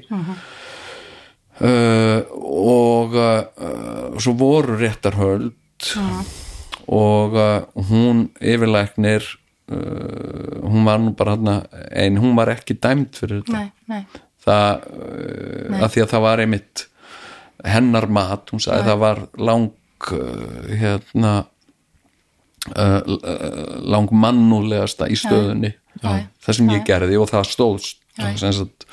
Já, já. uh, hérna En maður velti líka fyrir sér í COVID sko eins og til dæmis á Ítalíu þar sem stæla var mjög erfið. Já, og læknar, ég veit að það var, það var rætt hér heima líka sko hvernig eigum við að fólkangsraða Já, og hvað gerum við þegar fólk veist, eins og áttræðir einstaklingar? Það er ekkert endilega nei, nei, gott að setja þá í, í hérna, öndunavél gera bara veist, hvað, þannig að og ég veit í Hollandi var fólk kvart til að velta þessu fyrir sér. -hmm. hvað vilt þú? segjum að þú ert 83 ára Já. með ýmsa kvilla þú fær COVID já, hvað vilt þú? að verði gert eða ekki já, þannig að það er vegna þess að umræðin er opnari, Akkúrat. það er ekki og mér finnst eins og ég sá í Finnlandi þar var þegar einhver deyr á uh, elliheimili, þá stendur starfsfólki heiðusvakt og það farið út með viðkomandi um aldyrknar og það neyjas allir og, og svona. Hér deyr fólk og það farið út um Já, já. og svo er spurt daginn eftir hvað er Jón, nei hann dó í nótt það er bara svona já. Þetta er pínu svona feluleikur. Já, ég held að eitt stærsta vandamálið við Í- Íslandi er þessi þessi feluleikur. Láta eins og þetta sé ekki það eðlilegast í heimi sko. já, feimnin og við mjög döðan rosalega mörgum finnst Já, já. óþægilegt að tala við Já, þetta. já. og tala um þetta. Já, já. Já, maður, já. finnur rosa mikið hvað það hjálpar að hafa þú veist, gengi í gegnum þetta með einhvern ná, nálætt manni. Þá, að því að þá fer þessi heila leiki og þessi hræðsla alveg í burtu. og svo finnum maður eiginlega stundum alltaf strax hvort ein, svo sem maður er að tala við hefur lent í einhverju svipu. Já, af því að þetta verður svo eðlilegt samtal Já, já. og það er svo mikið Einmitt. slaki. Já, og það er ekkert óðurlegt að finnast óþægilegt að tala um þetta að maður hefur ekki kynst í en maður getur samt átt samtalið áður Mm. Já. og kynst þessu aðeins sko. eða mér líður þannig, mér finnst að þetta það þarf bara að ala Íslendinga upp Já, já. í að tala um döðan sko. En það þarf líka að grípa hvert tækifæri sko eins og Já. uh, fjölskyldu fræðingur saði einhvern tíma við mig sko þegar gæludýr deyr eins Mhm. og ég átti fugl en hérna og allt í einu einn daginn þá var hann farin Mhm. og, ég byrja, og ég spyr pappa hva, hva, hvert fór fuglinn, hvað er fuglinn? Nei, hann bara flög út um gluggan já, en hann var búin að hann, hann var mjög, mjög veikur sko og Já. hérna mjög lasinn og hérna en veist, en hann þóði ekki að segja mig frá því Nei, hann nei, er nei, dáinn, skilji. þannig að hann bara flög bara út um gluggan og kannski Já, kemur hann já, aftur og hann kom náttúrulega aldrei aftur já, já. og ég man Sam þegar og ég sagði mitt Já. uh, við dætum mínar, Já. afi flögut um gluggan það var bara, já. næ, ég gerði það ekki Já. við tölum mjög mikið um þetta já, já, þetta er- en líka þegar kötturinn okkar til dæmis og við þurftum að láta að var svipað að láta aflífa hann hann var með hérna bráða nýgnabilun já, og strákurinn okkar var og hann var kannski 23 ára, 4 ára bara og hans grét og grét og hann sagði að þetta er í fyrsta skipti sem ég miss einhvern. Aldrei farið í jarðaför já, Nei, aldrei akkurat. mist nákomin Nei, þannig að auðvitað er mikilvægt að upplifa þetta þó að þetta sé köttur. algjörlega. en auðvitað köttur sem hafi verið hluta lífa hans í, í 15 ára eða eitthvað þannig að þetta var ekkert já, veist, já, þetta er, en ég hef hitti stundum fólk sem að segir að því er auðvitað fólk byrja að tala um þetta við mig og ég tala opinskátt um þetta. Já, og þá segja sumi, ég veit ekki með þetta mér finnst þetta pínu svona skrítin tilhugsun og svona, en þegar fólk hefur fengið að upplifa það sjálft Já. einn sem ég man eftir sem að misti pappa sinn og hann lág dánabeð í, í eitthvað um 17 daga og þau voru einmitt að skiptast á að vera hjá honum sko, mm -hmm. sitja yfir honum svo deyra hann akkurat þegar engin er sko. já, sama. Það gerist oft. Sama með okkur, já, já. En þá segir hún setna sko, hálfari setna kemur hún til mér og segir nú veit ég hvað þetta tala um. Og ég veit að hann hefði ekki viljað þetta. Nei, að liggja þarna í, í veist, og þetta er óþægilegt að því að líka minn breytist eins og hjá honum. Húðin var hann gegnsær og Já, veist, að, veist, andadrátturinn og, og, Já, veist, og, og bara einmitt líka minn enn að gera allt sem hann getur Já. Til að halda sér á lífi. Þegar lífið er búið fyrir mörgum Já. árum í rauninni Já, sko. já. það er það sem er svo já, já, undarlegt við þetta já, já. já, já. Nei, en ég meina það er bara sko og síðan, síðan er, þú veist, þessi, þetta sko uh, já, fólk getur þá náttúrulega bara svitt sér lífi eða eitthvað svona pappi minn hefði ekki getað gert það sko Nei, já, ég meina ekki, ekki nema mamma hefði keift byss einhver staðar eða já, eitthvað já, sko, nei, en, en ég meina en, en sko, en vilt, að- vilt viljum við það nei, en skilur þú veist, ef að ég myndi ef að ég, ef að ég staði frammi fyrir því að, að, að ég myndi ekki vilja lifa lengur Mhm. og, uh, og ég væri bara komin með nóga sem ég finnst þetta Mhm, bara fínt og, og hérna uh, uh, og uh, hérna og uh, sem sagt, ég er þá bara að gera það einhvern veginn sjálfur. Mhm. uh, ég geti eflaust uh, fundið einhverjar upplýsingar um það á internetinu það hlýtur að vera Já, eða horta á einhverja uh, heimildamynd einhvers staðar uh, hérna, og ég hef meira sér séð heimildamynd held ég frá Oregon Mhm. sem sagt um, um uh, konu sem, a, Já, já. sem að það var hérna uh, bara ansi aðtíklisum mynd sko. Mhm. en hérna en ég meina að, að, að, að sko, fyrirfara sér ef við hugsum um aðstandendur annarkoð tekur þú töflur og hengir við það er annað. Þarna hoppar út og glugga einhver stað það Já. er svolítið annað kastaði fyrir bíl. Einmitt. Það er náttúrulega ekki, það er ekki virðing. Það er ekki virðing, að, að nei. skilja við með reist sko. Nei, og og líka fyrir bara- aðstandendur að, sem finna þig Já. Já, já. en ég menna ef þú myndir sko. ef myndir uh, uh, uh, tjá þig segja bara við uh, þína aðstandendur, ég er búin að ákveða þetta Mhm. uh, ég fór hérna á netið ég er búin að finna hérna ákveðna leið sem ég ætla að fara og byggja ykkur um að verða það uh, það er alveg jafn örugt að, að löggan komi, verður komin bara heimtíðin eftir hálftíma og, uh, já. og hérna skilur, þú veist, þá er þetta bara orðið leiðinlegt Nei, og líka það á pappirum er ólulegt að fremja sjálfsmórð held ég alveg öruglega það er ekki ólunlegt að fremja sjálfsmorð en þú mátt ekki fá neina aðstof Nei, er það þannig? á Íslandi þú mátt, það er Já. ekki ólunlegt það er ekki ólulegt Nei. Nei, en þú mátt ekki fá neina aðstof Já, það er ástæð fyrir því sko þess vegna er þetta svo mikill munur dánaraðstóð og, og, og sjálfsvík því að þú fólk gera þetta í einrúmi já, og lætur yfirleitt ekki vita Já, að það var kannski löggan komin bara fimm mínúti segna Akkurat. og það er líka yfirleitt þegar að, að eins og Pieta og, og fleiri samtök er að berjast gegn sjálfsvíðum við höfum séð það að sjálfsvíðum fækkar þegar dánarástað er lögleitt því að það eru mjög margir eins og í Breitlandi sem komast ekki til Sviss. -hmm. og það eru sögur okkar um einasta degi á síðum eins og hérna síðmendi í Breitlandi eða humanista félaginu um fólk sem hefur bara greipið til þess örþriðaráðs að fyrirfara sér af því að það sér enga aðra leið út úr þessu. Og sko þetta er, þetta er ekki, það er ekki sambanglegt þess vegna erum við á móti því að tala um eins og í Sviss aðstof við sjálfsvík -hmm. þetta frekar aðstof við að deyja. Því að ef við köllum þetta sjálfsvík að þá erum við að setja, setja saman sem ekki millið þess að fyrirfara sér og fá dánarastað sem að þetta er- tvent ólíkt. Já, já. Þetta er ekki alls ekki það en fólk er oft svo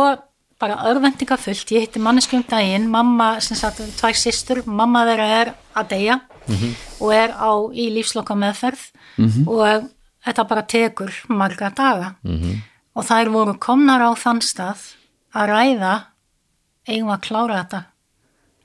Getum við nota kotta að Já, og hvor okkar ætti þá að gera það þú átt fjölskyldu, ekki ég, kannski væri þá best að ég myndi gera það, á hvaða vakt ættum við að gera það, kannski þegar þessi hjúkunarfræðingur er sem myndi kannski sjá í gegnum fingur sér, Já, alls konar svona hún sagði, og svo deyr mamma hennar þetta bara eftir, eftir 8-9 dag hún segi, ég er ennþá, ég er með svo mikið samvinskupið að hafa Já, já. hugsað þetta. Eða við bara, Bara- að sem er- taka máli í okkar þetta er hendur svo fullkomlega eðlilegt að hugsa þetta. Já, eins og, eins og ég man ekki hvort það var þriðið að fjóruða lúnabólga sem náði pappa já, hann var svo hraustur og hann var svo Já. ungur hann var ekki nema hvað, 58 eða eitthvað. Já, og þegar að, að að bara kom inn þessi líknandi meðferð eða lífsloka meðferð og einum tímpúndi þá leitt út fyrir að hann ætlaði að hafa sig gegnum þessa lúnabólgu Mhm. og ég mani hugsaði bara nei, helvíti strasl.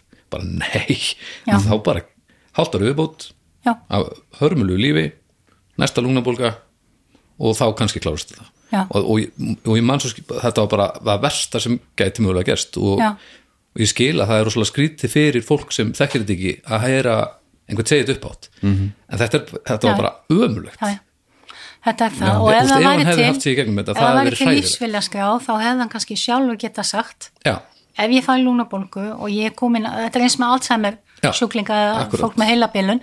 Læknirinn sem kom til okkar frá Hollandi sem er formaður samtakana hann sagði sko, hann kallaði þetta sko 10 mitri 12, þú getur Já. veitt ánaraðstóð í raun ofsnemma, já, en um leið og fólki komið yfir streiki og ekki með ráð og rænu já, eins og gerist með, með heilabilun þú getur spurt núna viltu dánaraðstóð já, og svo bara fyrir myndi segja nei. Já, þú getur ekki lengur treyst dómgreind einstaklingsins, þá er ekki hægt að veita dánaraðstóð lengur Nei. En ef að nú er í Kanada til dæmis verið að innleiða sem heitir Advanced Will, þú getur fyrirfram gefið til kynna við hvaða aðstæður eins og ef ég er já, komin út úr heiminum, ég fæ lúnabólgu þá vil ég ekki fá Já. síklarlif en þetta, það er ekki möguleiki hér heima til að Nei, gefa ef- þetta til kynna. ef þetta væri, hefði verið komið í gangi hérna heima þá, þá veit ég að hann var sáttur við að fara ég veit ekki hvort hvað hann hefði ákveðið nákvæmlega. En ég veit að hann var búin að hugsa um þetta og gera upp hugsin já, áður en heilin fór að gefa sig. Já, einmitt. Það er já, já, svolítið.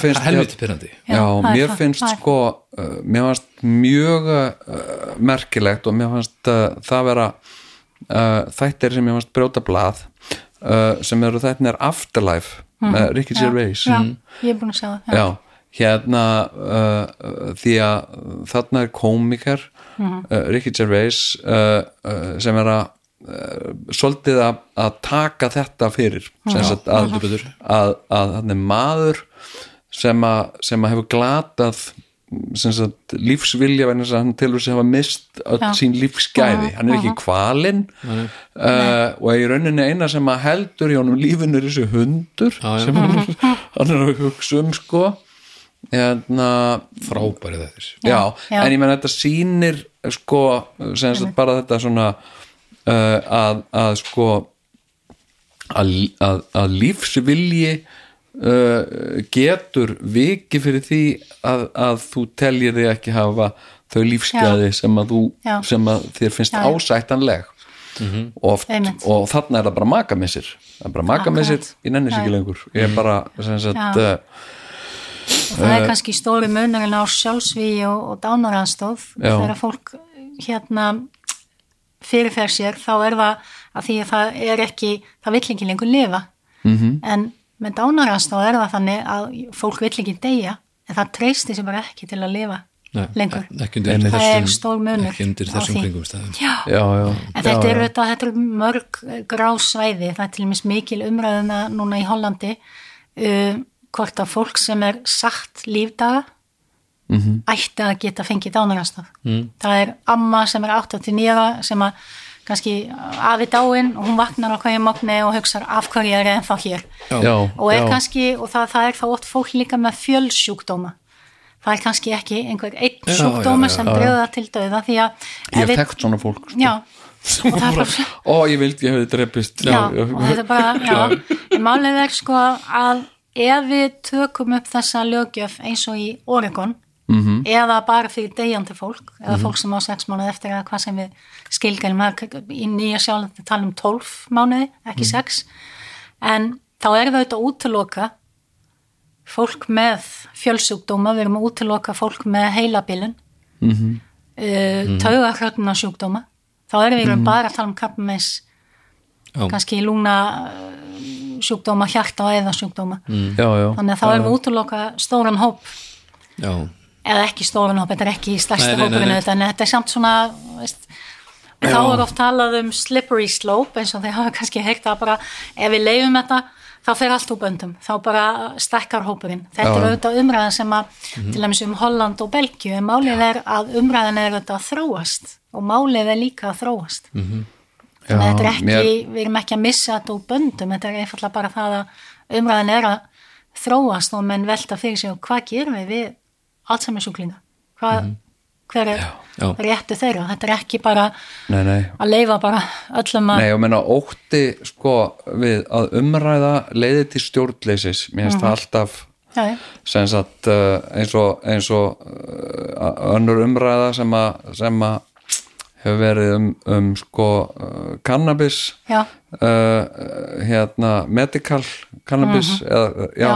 sem sagt Já, hérna, í læknaskyni. já, Já. Að, að fólk geti haft möguleika á að nota uh, cannabis möguleika á því að nota cannabis í lifja meðferðum og eitthvað svona og, og það er svo fljótt sko einmitt umræðið þetta sé það, að, að þetta þá opni þá bara á það verði bara allt löglegt og, já. og, uh, og hérna allir verið sjúklingar ég verið að segja um cannabis bara eins og hérna lauruglustjóri á Norrlandi talaðu um í síðustu viku sko í þætti já. að ef við hérna leifum þá bara verður þá eikst notkun, alveg eins og ef við gefum áfengi frjálst eða seljum það í maturubúðum þá verður meiri drikja mm. og svo var hún spurð um rannsóknir nei, þetta er bara okkar tilfinning já, veist já, að við höfum bara heyrt þetta frá Já. en eru þið með tölu? Nei, reyndar ekki þarf ekki tölur eða Nei. rannsóknir. Þetta er þetta er svo það er bara, það er bara nóg að vera hyster það er, Já, þetta er það galið. búið að prófa Þetta er galið. það, við, við, já. það er búið að prófa þetta og það er hægt að skoða það já, já, já, já, já, nei, nei, minna, mér finnst þetta bara mér finnst þetta bara vera uh, uh, bara svo ríkt í mér finnst þetta bara svona grundvallar mannréttindi að, að manneskja fái sjálfsvald um sín eigin örlög eins mikið og það er hægt Mhm, Já, já. sko Já, ter, var það ekki Terry Pratchett sem að Jú, gerir þættina? jú. Var það ekki? Jú. Hann náttúrulega greinist með Alzheimer já, og gerir þætti um þetta hann er Já. að fylgja eftir einstaklingi sem er að gera þetta ólulega um hann rétt, já, var það ekki? jú Og- þetta sko, var það Dr. Death þarna, þessi, Nei, nei, nei, það er það sem er smekið við hér heima sko. nei, nei, nei það, það var náttúrulega það er, við erum svo lítið land sko. Já.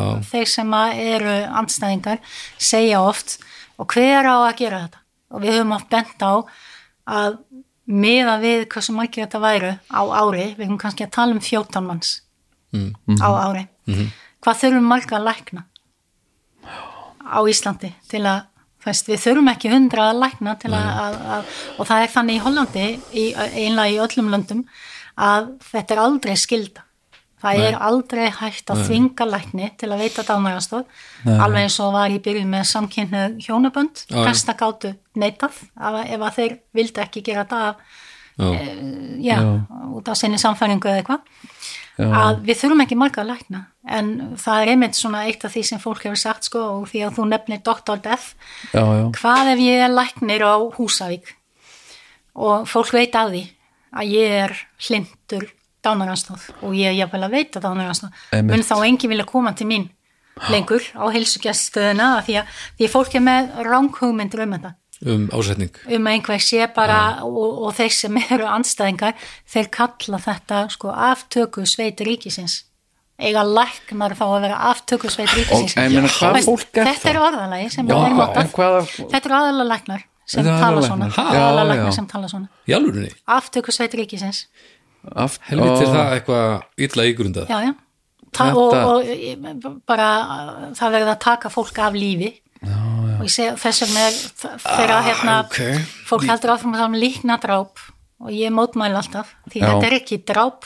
Þetta er ekki, það er ekki nei. verið að myrða fólk þetta er gert að ósk einstaklingsins og þetta er bara að uppfylla já heitustu ósk einstaklingsins að, að uh, þetta er Já, ég skil, ég skil Þetta ekki er ekki dráp. ég skil ekki hennan mótrú gegn umræðinni Þú- ég, jú, siðferðislega lítur maður að þurfa að endurhugsa hlutina og já, já, já, stettin samt sko, eins og ég hugsa þetta þá er þetta þá ertu klárlega að gera það sem að læknar er að gera sem er að hjálpa veikum einstaklingum. Já, og ég skil ekki hvað yfirgengilega hræðsla er við að taka í það minnsta umræðuna til þess að reyna að af hverju að vera að leifa út um allan heim. Já, já. að, og, og við getum ekki verið bara síðasta landi til að löglega það, Nei, af og- því að þetta er svo mikil þversögn og búum við á Íslandi þar sem er frjálslindi já, og við erum með samkynni hjónabönd og, og, og við erum bara, það er frjáls á bara til dæmis já. ég bakk Kyn- vonu við það þegar þetta kom sko. akkurat, Já. en þegar að þessi umræða hóstum meðgöngurof og, og að útvika lögin þá hugsa, og það var svo mikið talað um hérna sjálfs ákvöðunar rétt kvenna. -hmm. yfir einn líkamann já, og þá hugsa ég, ok, nú við að fara að 100% með taka hérna, umræðu um dánarhansna líka því þetta er líka sjálfs ákveðnaréttur Já. og það er svolítið skítið, segjum út á- orðin 89 ára, þú hefur fengið að ráða Mhm.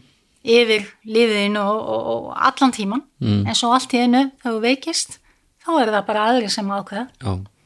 hvað þið að gera, veist, að voðalega skítið já, Mhm. og mér- við segjum mér- alltaf mitt líf, minn döði, mitt val já, já. já, mér finnst þetta galið og ég væri mjög til í að heyra af hverju hvað fólk er að hugsa hinnum minn af því Já. ég, ég bara skil ekki hvernig þú ætlar að hvernig þú getur útilokað þetta sem góðan valmöguleika. Ég bara, ég, Já. með það sem ég hef gengið gegnum og mitt sjónarótt, ekki læknir, alls ekki læknismetaður en ég bara skil ekki hvernig það er hægt að komast að ég er áhuga læknir. Ég, Já, ég veit ekki með það heldur. En ég veit að lækna segja náttúrulega ok, ég þarf að koma að þessu. Akkurat, ég Veist, skil og það. ef þú setur, og okkar heimilislæknin til dæmis, pappi minn var hennar fyrsta Já. tilfelli Já, já, og hún átti erfitt með þetta Já, ég en það. bara mikil ósköp, þetta á ekki að vera auðvelt. Nei, nei, ég skil það og með tárin í augunum, hún sagði líka mér finnst ég vera svo, að gera svo góðan hlut, ég veit að þetta er það sem hann vill. Já. og ég get verið honum og hann, hún, var búin að vera hans heimilislæknin í 30 ár já, en hún sagði að það er góð tilfinning að geta Já, veitt honum Já. aðstóð já, já en mér, mér finnst þetta bara mér finnst þetta bara sko, mér finnst þetta bara svona eins og, eins og með kynleiðreitingu þú veist, að það sé eitthvað fólk hágrátandi þessi fallega stúlka bara verðum að fara, hérna ég vil ekki halda áfram að vera stúlka eða þú skilur bara, þér finnst þetta bara ekki koma neinum öðrum við. Sem er rétt. Og hérna, hérna og auðvitað þarf að passa já, að regluverkið sé þannig að það er það, það, má, það, það verður verður að koma í veg fyrir misnótkun Algjörlega. og það verður að ganga úr skuggum til að það sé ekki þrýstingur aðstandenda Algjörlega. að fólk sé ekki að gera þetta því að, að það upplifir sig bara byrðið á, á, á sínum nánust eða samfélaginu. Nei, nei, nei, eins og En, hérna hvað á að gera við afa í fósbræðum já, náttúrulega þetta er sko, málið er að það eru auðvitað nokkar hópar sem eru á móti, það eru uh, læknar, það eru uh, þeir sem eru trúaðir og jú. þeir segja auðvitað, maður á ekki að grípa inn í, Hei, lífið er heilagt Mhm. og Guð á bara að ráða þessu. Já, en málið er að læknar eru náttúrulega allan dag að taka ákvæðanir um meðferð ekki meðferð. Þetta tali er fyrir líka mig bara. argument sem að gengur ekki upp Nei, bara svo ég tali fyrir mig, þetta er bara ekki rétt. Þetta er bara vitt skulum, og þetta á ekki að, einu sinni að, að þá ekki að koma með þetta nálægt þessar umræðu af því þetta hefur enga alvöru þýðingu í þessu samhengi. Nei. Nei, þetta er, þetta er eins og bara að, að þykja ekki blóðgjafir og, og eitthvað Já, svona. og, og, og hérna Já, mér, mér finnst við, við eigum ekki að þurfa að eða tíma í þetta, við eigum að vera að leysa málin En þetta er eitt af því og við já. settum á heimasíðuna hjá okkur einmitt svona uh, þeir sem eru með og þeir sem eru á móti, hver eru Já, rökin sko og þetta er eitt af því sem kemur fram. Svo eru Já, þeir sem eru með föllun, já, þeir upplifa svolítið eins og dánarast og gefið til kynna að líf þeirra sé lítils virði eða minna virði. Og það sé svona ákveðin þrýstingur þegar þú ert í hjólastóli eða þú ert með ákveðin sjúkdóm að þá, þá ætti þú bara að þykja dánarast sem er auðvitað bull það er því Já. við segjum alltaf þetta er, þetta er beðni einstaklingsins. Mhm. það er engin annar að fara að, að ákveða þegar manneski er í hjólastóli eða með ákveðin eða lamast eða eitthvað að hún eigi bara að fá að fara. Nei. það er bara manneskjan sjálf. Já, þannig að þetta er ekki rauk sem halda en þaðan kemur andstæðan já, og það er svolítið það sem við erum að, að taka umræðina við höfum verið að hitta sjálfsbjörg og, og þroska hjálp og, og svona þessi já, tekið umræðu um þetta. Þetta Já. er bara eitt af því sem kemur þegar maður fer að tala um þetta. Ekki Vá. bara hér heima heldur líka ellendi sko. Já, þetta hef ég aldrei heyrt. Já, já, nei, mér finnst þetta bara sko uh, uh, mér, mér finnst þetta að vera sko val og, uh, og, og ég líkið þess eins og ég hef gert áður sko sem sagt eins og bara að ferða á Subway og þú getur valið það sem þú vilt á uh, það er ekki einhver sem kemur og horfir á þig og, og, og gerir fyrir Já, þig þú og færð réttir ekki kjúkling í dag. þú er gott af þessu og hérna og, og Já. allt og grannur og Já. fá smá Já. ost, ég setti Já. smá majónes á þetta líka, ég vil ekki majónes þú er gott að því, og eitthvað svona Sem Móta sagt karakter. að- að- en ég get Já, já. valið sem sagt, Akkurat, uh, og ég það get sagt ég vil ekki gúrkur og, bara, og ég er fullt leif til þess. En það er líka svolítið það sem við segjum, af hverju ætti, að því að nú eru cirka 78% í skoðanakonunum sem eru styðjandi, af hverju ættu þá þessi 12 til 14% að fá að ákveða fyrir alla hina að það megi ekki veita dánarastan. Ég segi alltaf, það þurfi allir að, að þykja dánarastan eða byggja um nákvæmlega. en hún þarf að standa okkur til bóða og ef þú ert af einhverjum ástæðum á móti þá bara þykir þú, þá byður þú ekki um dánarastan Nei, ég meina bara eins og, eins og, eins og Subway er að bjóða upp á jalapeno pipar. Uh, hérna, og það verði hiltar, ég verða það ekki allir bara að borða þetta? Erum við ekki að fara að sjá lítil börnin að borða uh, uh, sterkan pipar? Hérna, skilur bara nei, Já, það er ekki þannig. Og svo lögleitum við lögleitum bjór og af því það átt að gera alla fyllibillum Já, já, já, Já, já, já, já, já. já, eina já. var að við drukum aðeins minni landa já, ekki við, svolítið- ég var, ég var náttúrulega ekki byrjað að drekka þarna. Það hefði verið kólulegt og núna Já, með áfengi verður- maturverslunum sko. já, já, það munum öll detta í það alla dag það er ekki Eins og staðar. annara þjóða sko. nei, allstæðar í heiminum það er allir fullur út í búð. Já, já, já, nei, nei, mér, mér hérna mér finnst þetta hvað, hvað eru marg hvað eru hérna margir uh, margt félagsfólk í lífsbjörg? Við í lífsvirðingu við erum cirka Lífsvirðing. 200, 200 sem þykir nokkuð gott. Ef við Já. berum þetta saman við Kanada við reiknum það út, þá væri það cirka 24.000 manns sem var í félaginu það sem það er ekki, það er ekki nema 5.000 eða eitthvað, þannig. Já. það er alveg ágætist tala en auðvitað viljum við sjá fleiri. Já, en hérna, en við erum svolítið á tímapunkti núna að velta fyrir okkur hvað þeim að gera. Mm Bryndís Haralds uh, sínandi á að hún laði fram þings áleiktuna til auðvitað fyrir nokkum árum 2017 og 18 um það að heilbriðisráð þeirra uh, myndi gera samantækt um stöðuna bæði í þeim löndum þar sem að dánarastæði leifileg og líka í þeim löndum sem að hún er ekki leifileg hún er, kom hún, sko. er hún í sjálfstæðisflokki hún? Hún er sjálfstæðsflokki á Bryndís Haralds og hérna þetta og hún er líka með persónlega ástæðu sem sagt amma hennar, uh, hún hefur talað um hana og Já, hérna já, þetta svona það er oft svona einhver drifkraftur. Já, og hérna þessi skýrsla kom út í september 2020 um, en þessi beðni eða þings áletina til að var einlega tvíþætt skýrsla og könnun meðal heilbyrðisnarsmanna ok, skýrslan kom sem er full af uh, raungum upplýsingum eins og ég nefndi til dæmis þetta með að lífsloka meðferð er talin með dánarjástóð sem að Já, já. er ekki því að á líknadeild er uh, mjög skilt talað um að þetta sé ekki til að stýtta lífi, gefa morfín en það er ekki í þeim tilgangi að stýtta líf fólks. En nú vantar að þá könnunina og hún er að vinna að skýslu beðni, ég veit ekki hvort hún hefur verið lögð fram eða ekki á þinginu. Það er enn oft í gegn sko, skýslu beðnir og þá þarf frá þeirra að gera könnun meðal lækna hjókunarfræðinga, sjúkaliða og, og bæði á landsbítanlun menn lí- líka auðvitað út á landi.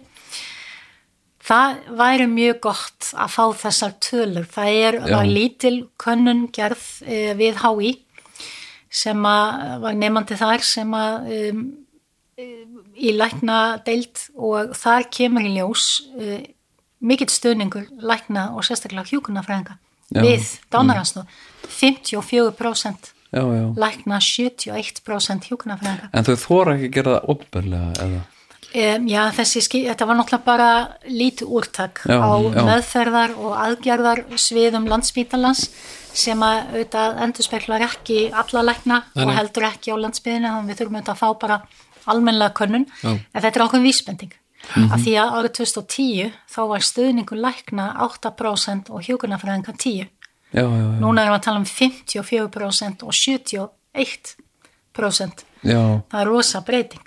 Og þetta er auðvitað líka það sem við sjáum í löndunum í, í kringum okkur.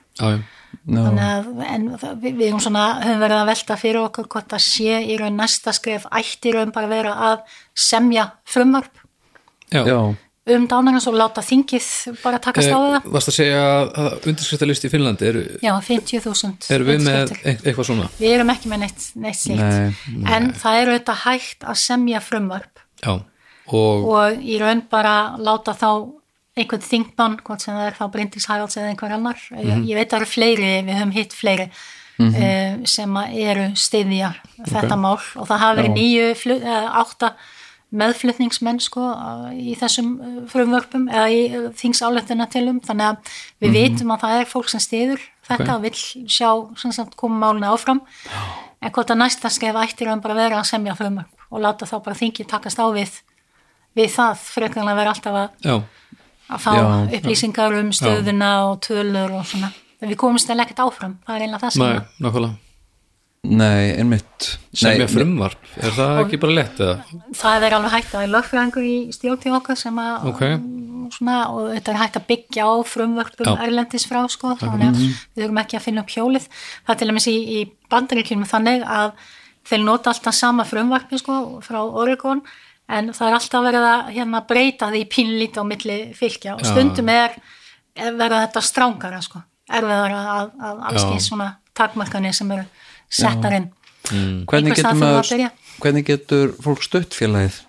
Það getur skási í félagi, það er hægt að að verða sem sagt aðili og það kostar þá eh, 4500 á ári. Það er ekki neitt. Og við erum, nei það er ekki neitt. Og við erum að halda auðvitað ráðstefnur, við vorum með stóra ráðstefni í haust í samvinnu við endurmentun og vorum líka með norrænan fund, við erum í samstarfi við félagin á Norðurlöndunum að því við erum svona öll á sama stað eiginlega, hvað þetta verður þannig að við erum svona að reyna að svona sækja styrk og fá hugmyndir og, og þannig að við séum ekki að finna upp hjólið Nei, akkurat. í hverju einasta landi, við getum lært auðvitað eru aðstæðnar ólíkar í þessum löndum líka en við finnum alveg að það er hægt að læra ímislegt af já. þeim.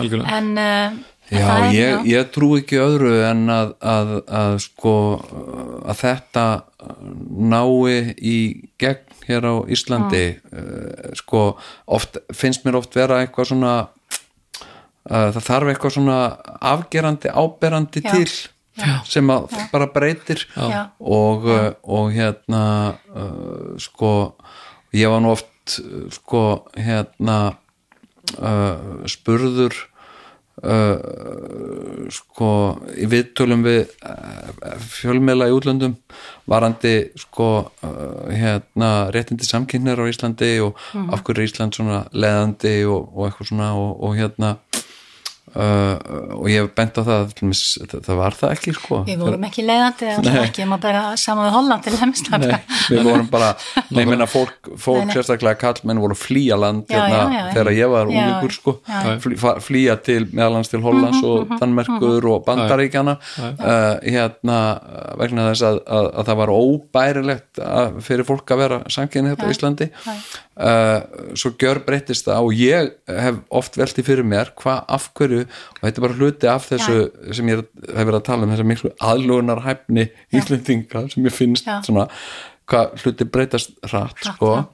hérna og ég held það, það sem hafi haft einna mest áhrif Mhm. á það hafi verið Páll Óskar Hjálmtinsson Já, ég held að Páll Óskar hafi breytt alveg Já. gríðarlega miklu sko, mm. þess að, að sko, þannig erum við bara með, með personu sem er svo afgerandi fyrirmynd og stendur stolt og bara keik í síni, í sínu. Og, Já. og þar með einhvern veginn verður bara það verður bara, já, það verður bara hérna breyting. Og, uh, og hérna sko uh, anna, annað sem ég hef séð sem að Íslendingar, Íslendingar uh, það er svo, það er svo stutt í sko uh, að því að tala um annað mál sem að við höfum nú rætt hérna líka hundar. Hérna á Íslandi hefur verið sko skelving við hunda, hundar hafa verið bannaðir í, í, í, í Reykjavík og hundar bara finnilega bannaður og bara bannað að eiga hunda svo auðvelt að, að leysa það vandamál bara með því að banna alla hunda. Kattahald á já, Kettirnir á Akureyri líka sko já, já. Nei, hérna, það bara banna hlutina og uh, en síðan er sko hunda uh, menning á Íslandi er og hraðrir uppleið og fólk er að átta sig á notagildi hunda.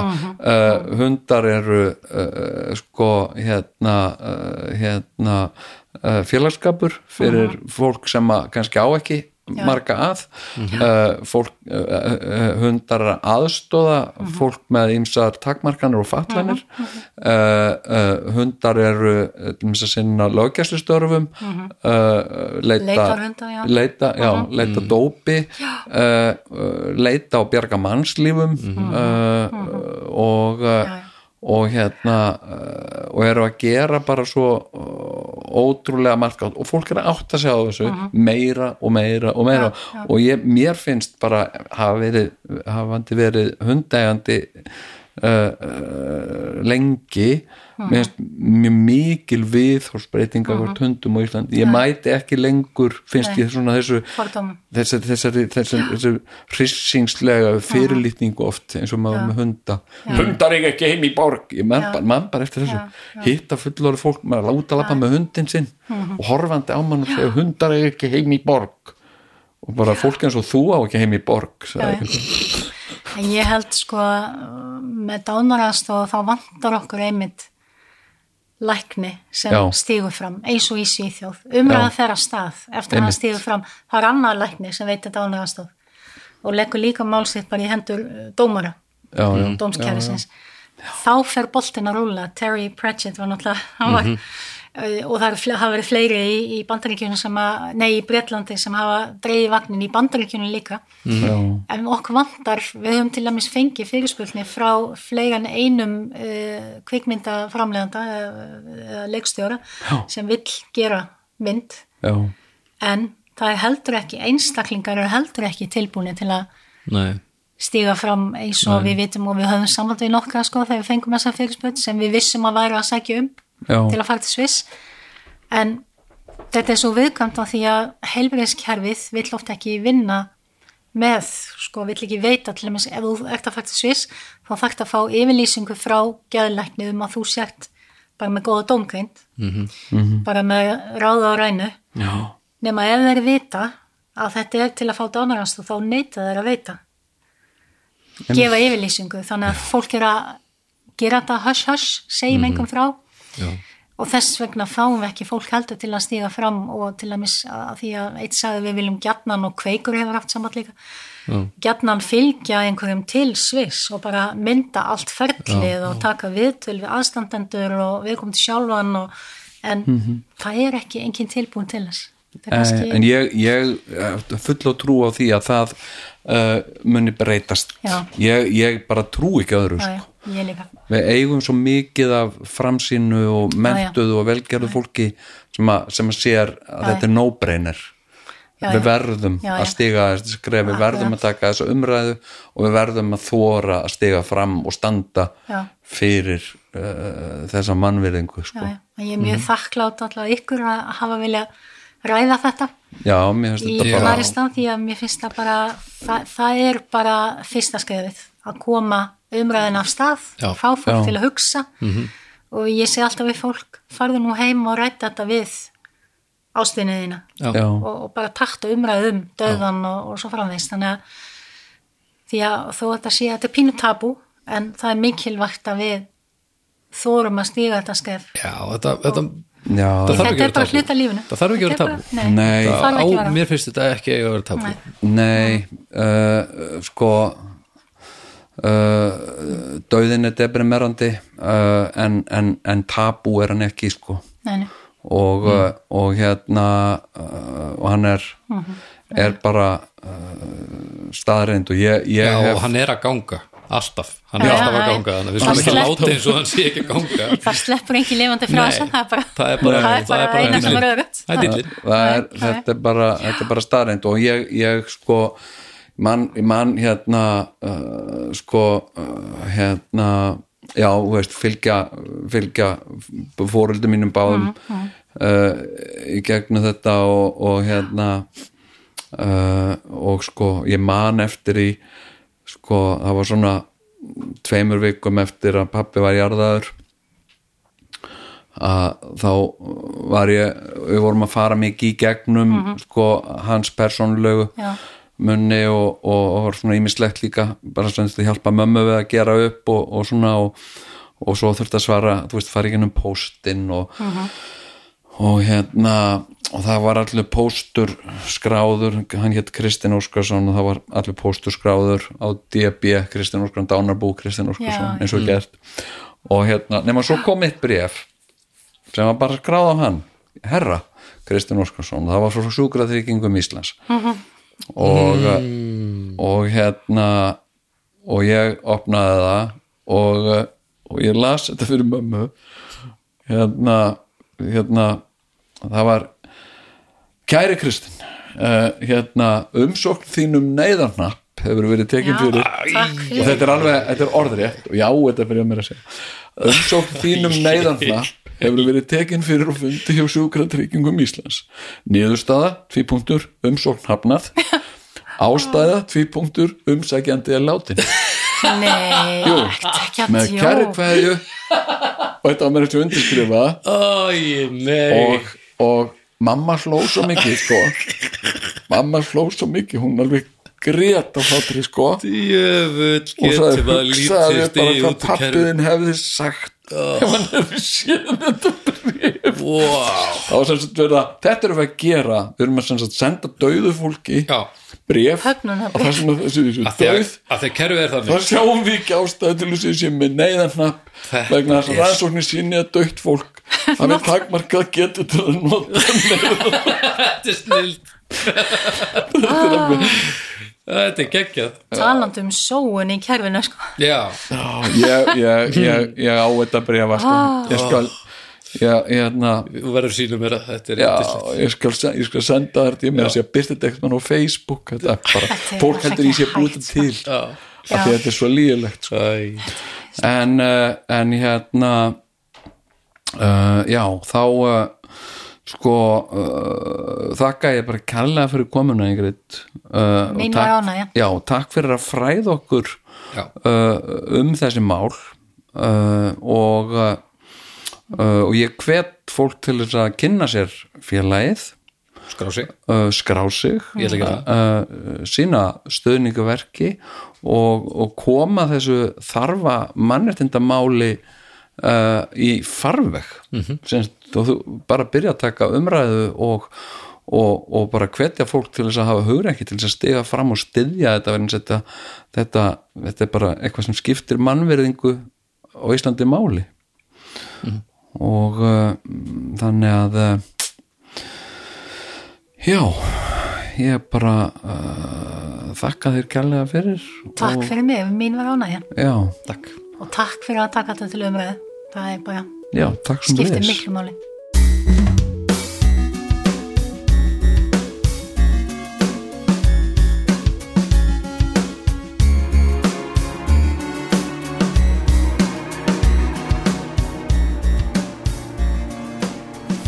Já, Já, þannig var það. Þetta er magna dánaraðstótt Gekkja dæmi. Já, uh, og þarft að tala um þetta? Já, og það kom mér, já, það kom mér óvart þetta að hérna látt sérna pappi dó og svona hvað er langt sérna pappiðin dó? hann deyr 2009 ég man aldrei hvort það er 2008 eða 9 ég held að sé Já. 9 örugglega. Já, um, þannig að látt síðan og lungu uppgert og svona en, en Já. þú veist, sumt er bara sorglegt áfram Já. og það sem er bara gott líka þá skiptir það máli pappi minn dó 2008 já, það já. þannig að, en það komur óvart já, að, að ég, ég svona já, að því með tölvöra reynsli í þessu að þetta, þetta snert, snerti mig svolítið skringilega Já. Já, að því að, já, þetta hljómaði vel sko. Þetta hljóm, og ánður sig ég viti nákvæmlega hvað hann hefði ákveðið það hefði verið næs að hann hefði fengið valmöguleikan sko. Já, nákvæmlega. Já, og uh, einmitt að valið sko að að eiga valið. Minnst það og líka ef ég myndi standa frammi fyrir því sem að hann stóð frammi fyrir. Mhm. og ég hefði þetta val. Ég myndi ekki vilja fara gangi gegnum það sem hann gekk í gegnum. Nei, það er staðrend Mhm. ég myndi ekki vilja gera það. Nei, og mér finnst bara, já, pínu galið að við sem ekki lengra komin í þessar umræði en mikið er nú gott að vita af fólki eins og henni já. Ingrid sem er að gera sitt. Já, já. Og, uh, og, og bara þetta frábæra félag uh, lífsfyrring að, uh, að hérna uh, að vinna að þessu sko, mér finnst þetta alveg magnað. Og sko dauðin hérna hefur mér fundist svo leiðinlegur uh, hérna það er ekkert eh, engan leiðinlegri aðdæfni sem ég veit en jarðarfarir sko.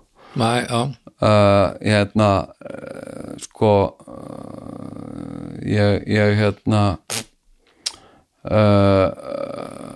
mér leiðist svo margt við þetta sko. Já, það er líka ekkert hérna skrítið. Nei, og þetta, þú veist, far mæti jarðafarir og þú veist, og nú skulum við öll uh, fara með bænina sem Jésu kend okkur eitthvað svona. Já, já, skilur og uh, hérna, við skulum rísa úr sætum og meðan við hérna uh, vottum Jésu hérna við einhverja, þú veist, eitthvað. Ég, ég uh, á þú veist, í hugmyndafræðilegum erfileikum með þetta. Og svo, svo hérna og svo leiðist mér þessi músík yfirleitt alveg óbóðslega mikið sko. Músík? Já, þessi, nákvæmlega þessi tegund mm. og þessi hljómburður. Tala um eh, svona sálma? Já. Þú ert ekki að tala um þegar að einhver ríkur er, nei, einhver frægur er hérna eh, kallaður til leiks. Heldur þú að tala, Jú, þú ert að tala um hérna- ég, mér leiðist hérna, mér leiðist svona Ég var barn og ég leik mér við ströndina. Að öskra og hlaup út. Já, já, já, það er eðlilegt sko. Já, það er það? Hérna og uh, sko og, og uh, mér finnst svona það eru slagarar þarna. Já, uh, hérna uh, krossins helga tré mm. krossins helga tré. Mér finnst það hérna mér finnst það flott sko. Ok, ok, ok. Uh, krossins helga tré og hérna uh, kom þú dauði ég óttast alveg rétt, já, já, já. uh, hérna uh, mér finnst það flottur lagari sko. En, en, en hérna hérna uh, sko uh, en en, en svona en einhver svona einhvern Jésu jarm einhvern hérna hérna einhverju svona sálmar. Mér leiðist þetta já, já, þetta, er náttúrulega þetta er helviti leðilegt sko. og svo finnst mér leðilegt þegar ferilskráin er lesin. Það sem sagt Guðmundur Stefánsson fættist 4. oktober 1928 hann hóf ungur störf í bröðgerð Vesturbæjar. Þegiðu, þegiðu þetta er, er vandamál. Ég var, að, ég var bara átt að mig á valmöguleika núna. Já. ég svona, ég regnaði ekki með því að fara kristilu leiðina. Nei, en mér er raunin sama af því að ég, þetta hefur enga hefur enga þýðingu fyrir mér. Já, þannig ég get alveg eins farið kristilu leiðina já. og, sett, og beðið um að setja prógrami bara svona lögur sundaskólanum með reyfingum og láta prestin segja að ég hafi sem sagt sagt að síðast ósk mín væri allir allir væru með. Já, þannig að ef þú ert ekki með í djúpabreið þá ertu bara að sörga minningu minn þannig að ég verð bara fullan sal af, af trúlesíkjum og, og gömlu frændfólki. Vonandi með tári augunum kannski að gera djúpabreið. Djöfull er þetta fín hugmynd já, þetta er æðislega Já. hugmynd, djúpa breið og þetta opnar á svo margt. Og syngja hérna keðjusöng hérna B-I-B-L-I-A já, keðjusöng. Já, allir- já, já, já. B-I-B-L-I já og svo syngjum við saman bókin, bókana. Og keðjusöng B-I-B-L-I-A djúp og breið Æ, æ, æ, þetta er eina leiðin. Shit. Þetta, þetta, þetta finnst mér frábær hugmyndmöldur þetta Já. er bara hérna bara að taka sunnudagaskólan bara. Alla leið. Alla leið og allir með. Já. Og hérna já, nei hérna þetta er eitthvað svona já og einhvern veginn sko uh, mér, mér auðvitað þú veist svo er, svo er eitthvað uh, stundum skilur er eitthvað eru uh, jarðanfarir sem er alveg persónulegar og, og svona pyrra mig ekki mér, ég á bara erfitt með sko ég er búin að fara í svo margar jarðanfarir um æfina mm. uh, og uh, hérna uh, uh, og ég hef svona uh, skipulagt uh, skipulaði eina jarðaför það sem ég átti þátt ég að skipulegja á jarðaförunnar mömmu -hmm. uh, og og hún vildi hún vildi fá útför frá fríkirkjunni verðan þess að hún var sem sagt af því klanni sko. Sem sagt uh, hérna og uh, og hérna og auðvitað leittist mér ekki uh, svo aðtöp skilja því að persónlegt fyrir mér sko. Já, já. Þannig en, en ég menna ég, ég hérna sko já já en, en sko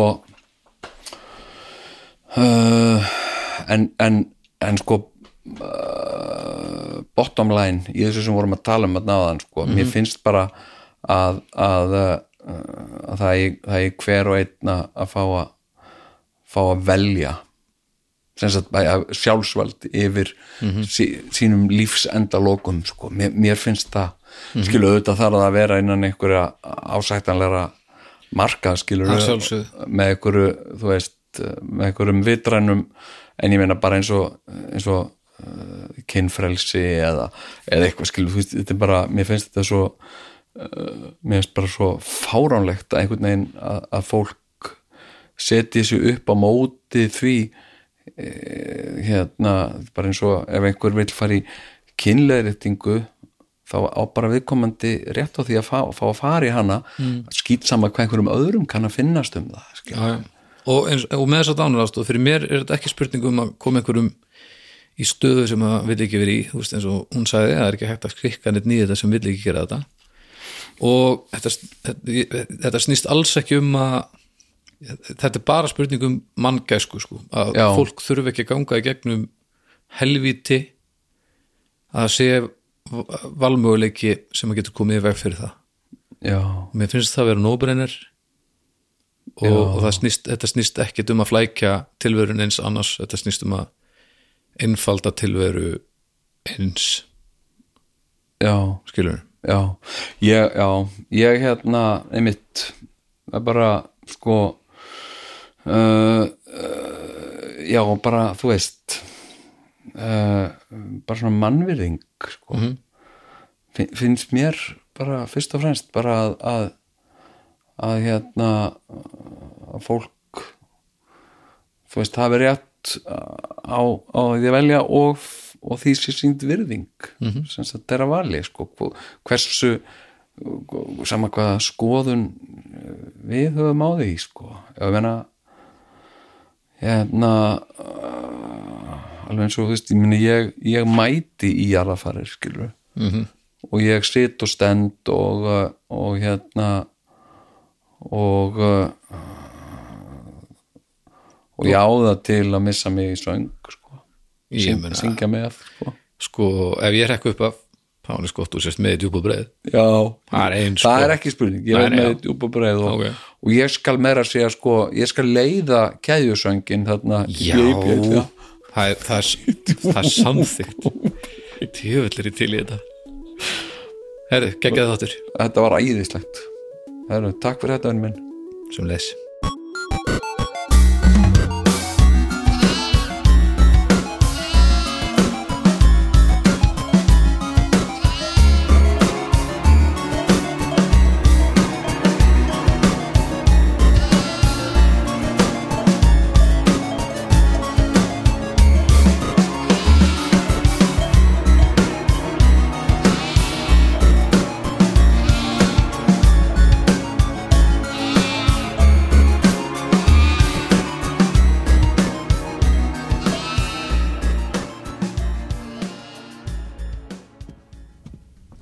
Óáfengur bríó frá Borgbrukkúsi er sérlegur bakkjarl hljóðkirkjunar.